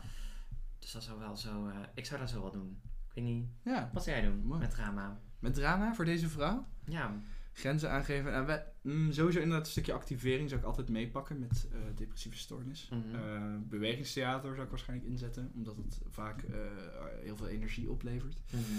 Ehm, voor grenzen aangeven wel eens. Ik heb, wel eens. ik heb het altijd gehoord of gelezen, ik heb het nog nooit gedaan. Het is een Mhm. oefening waarin je tegenover elkaar gaat staan in, de, in het spelvlak. Ja. En je, ehm, ik als therapeut loop op de cliënt af. Mhm. En zij moet aan, of hij, nee ja, in dit geval zij, moet aangeven wanneer ik te dichtbij kom. Zij moet letterlijk zeggen stop, tot hier. Mhm. En dat ga je steeds verder pushen. Ja. Totdat eh, je echt vlak voor haar staat eigenlijk. En je gaat gewoon kijken van... Je gaat daar eigenlijk bijna een soort van uitlokken om haar soort van... Ja, niet boos, maar in ieder geval... Ze moet echt op een gegeven moment haar, haar schoenen in haar schoenen staan. Om te Ja. zeggen, stop, ik wil dat je daar blijft staan. Ik wil niet dat je dichterbij komt. En binnenspel kun je... Zo, dat is een soort, ook een soort van hele concrete... Ik wil dat je niet meer dichterbij komt. Of ik Mhm. wil dit. Of hetzelfde met grenzen aangeven. bijvoorbeeld... eh, we hebben een... misschien wel een beter voorbeeld zelfs. We hebben een, eh, een oefening met een soort winkel. En er staan allemaal spulletjes. Mhm. Maar de winkel gaat net sluiten. Oh. En jij komt als therapeut dan, of een medecliënt, je kan dit ook gewoon met twee cliënten doen. Mhm. Die komt toch nog, oh, ik wil, die mag dan iets uitzoeken. Oh, ik wil dit toch nog wel heel graag kopen. En dan haar opdracht is om echt dat ding mee te krijgen of te kunnen kopen. En de, eh, in dit geval die vrouw, haar opdracht zou zijn, grens aangeven, de winkel is dicht of gaat sluiten. We kunnen geen transacties meer doen, het is klaar. Oh. Ja. En dan krijg je de ene cliënt die dus misschien wel juist in, eh, hoe noem je dat? Stevig in haar schoen staat moet oefenen. En de ander moet grenzen liggen aangeven. Kunnen ze daar beide aan werken? Want de een moet zeggen, nou, eh, ik laat wel 5 euro achter. Nee, want ik kan het niet meer in de kast doen. De kast is afgesloten. Op die manier zou ik misschien ook. Ook omdat ze dan Ja. een samenspel en in contact staan met anderen. Want depressiviteit heb je natuurlijk Mhm. ook vaak eenzaamheid dat eraan gebonden gaat. Ja. Dus ik zou sowieso groepstherapie doen, denk ik, met, met eh, depressief eh, klachten. Mhm. Misschien op die manier iets zou ik wel doen, denk ik. Ja, nice. Klinkt echt goed inderdaad. Ja, en dan heb je ook meteen een soort van twee andere kanten. Dus heb je eigenlijk meteen twee cliënten die elkaar al heel snel kunnen helpen. Dat is natuurlijk ook heel mooi. Ja, precies. Dat is ook, dat- is ook mooi als je medium dat kan bieden van... Oké, laat de cliënten elkaar dan helpen. Ja. Ja, en ook gewoon dat stukje... Vaak denken cliënten dat ze alleen zijn in hun problematiek. Terwijl dat gewoon niet is. Zeker niet. Nee. Nee. Precies. Dat is wel een goede boodschap om mee te eindigen. Ja, denk ik. Heb je, Je bent daar een- niet mee alleen. Je bent niet alleen. Je bent gewoon niet alleen. Ja. En dat is gewoon goed. Heb je nog een inderdaad afsluitende laatste tip of trick... die je binnen de opleiding geleerd hebt... die je zou willen meegeven aan mensen? Ehm Oh, dat is een hele goeie. Ehm ja, gewoon, nou ja, dat spreekt ook heel veel gewoon, geef je grenzen aan. En dat, dat, dat geeft zoveel ehm, meer ruimte voor jezelf. En ik denk ook dat, dat je daar dan ook gewoon meer kunt genieten van de opleiding. En ook gewoon een beetje meer van elkaar. Als je gewoon voor Mm. jezelf gewoon weet wat je wil en waar je grenzen liggen. En dat je zo de opleiding gewoon ingaat en weet waar je aan wil gaan werken. En dan weet je dat nog niet en je komt er later achter. Ook goed. Maar meer gewoon van, kijk, kijk goed naar jezelf, weet je wel. En ben daar, ben daar lekker mee bezig. Geef jezelf daar de ruimte voor. Ja. Dat ja. ja. En, en andersom, binnen, binnen dat je dat doet... Kijk ook dat je de grenzen van anderen respecteert. Ja, ook, ook zeker. ja, dat Ja. Is, ja, dat is een mooi om daarbij te zeggen, ja. Gewoon respecteer je eigen, maar ook je andere grenzen van gewoon andere mensen. Ja. Eh, ja, we zijn bij het einde van de aflevering. Oh. Eh, ja, Willem, heel erg bedankt. Geen probleem. Goeie gast. Het was gezellig. Ja, het was echt goed. Ik heb er echt van genoten. Yeah. Ja. Ehm, check even onze Insta Theratypisch. Uiteraard eh, staat ook een foto van ons op natuurlijk over de eerste aflevering. Fuck je. Hell yeah. Eh, nieuws daarover de podcast zul je daar ook op terugvinden. Ehm, En ja, geef ook zeker eh, feedback. eh, DM eh, de, de Het account, ja, Het account. zeker. Met vragen. of- vragen voor die we kunnen, kunnen behandelen in de volgende aflevering. Of Ja. ehm, gewoon general feedback. Vertel het aan iedereen dat wij dit doen. Deel het vooral met Ja. iedereen. Met je hond, met je Met oma. je kat. Iedereen. Met je vogel. Iedereen die thera- therapie nodig heeft. Ja. Laat- laten we eerlijk zijn, dat zijn veel Dat mensen. heeft iedereen nodig. Iedereen heeft het nodig. Ja, Wij, slu- zo sluiten we af. wij sluiten af. Jongens, eh, ik wens jullie een hele fijne dag. Hetzelfde. Dag. Doei, doei. Bye bye.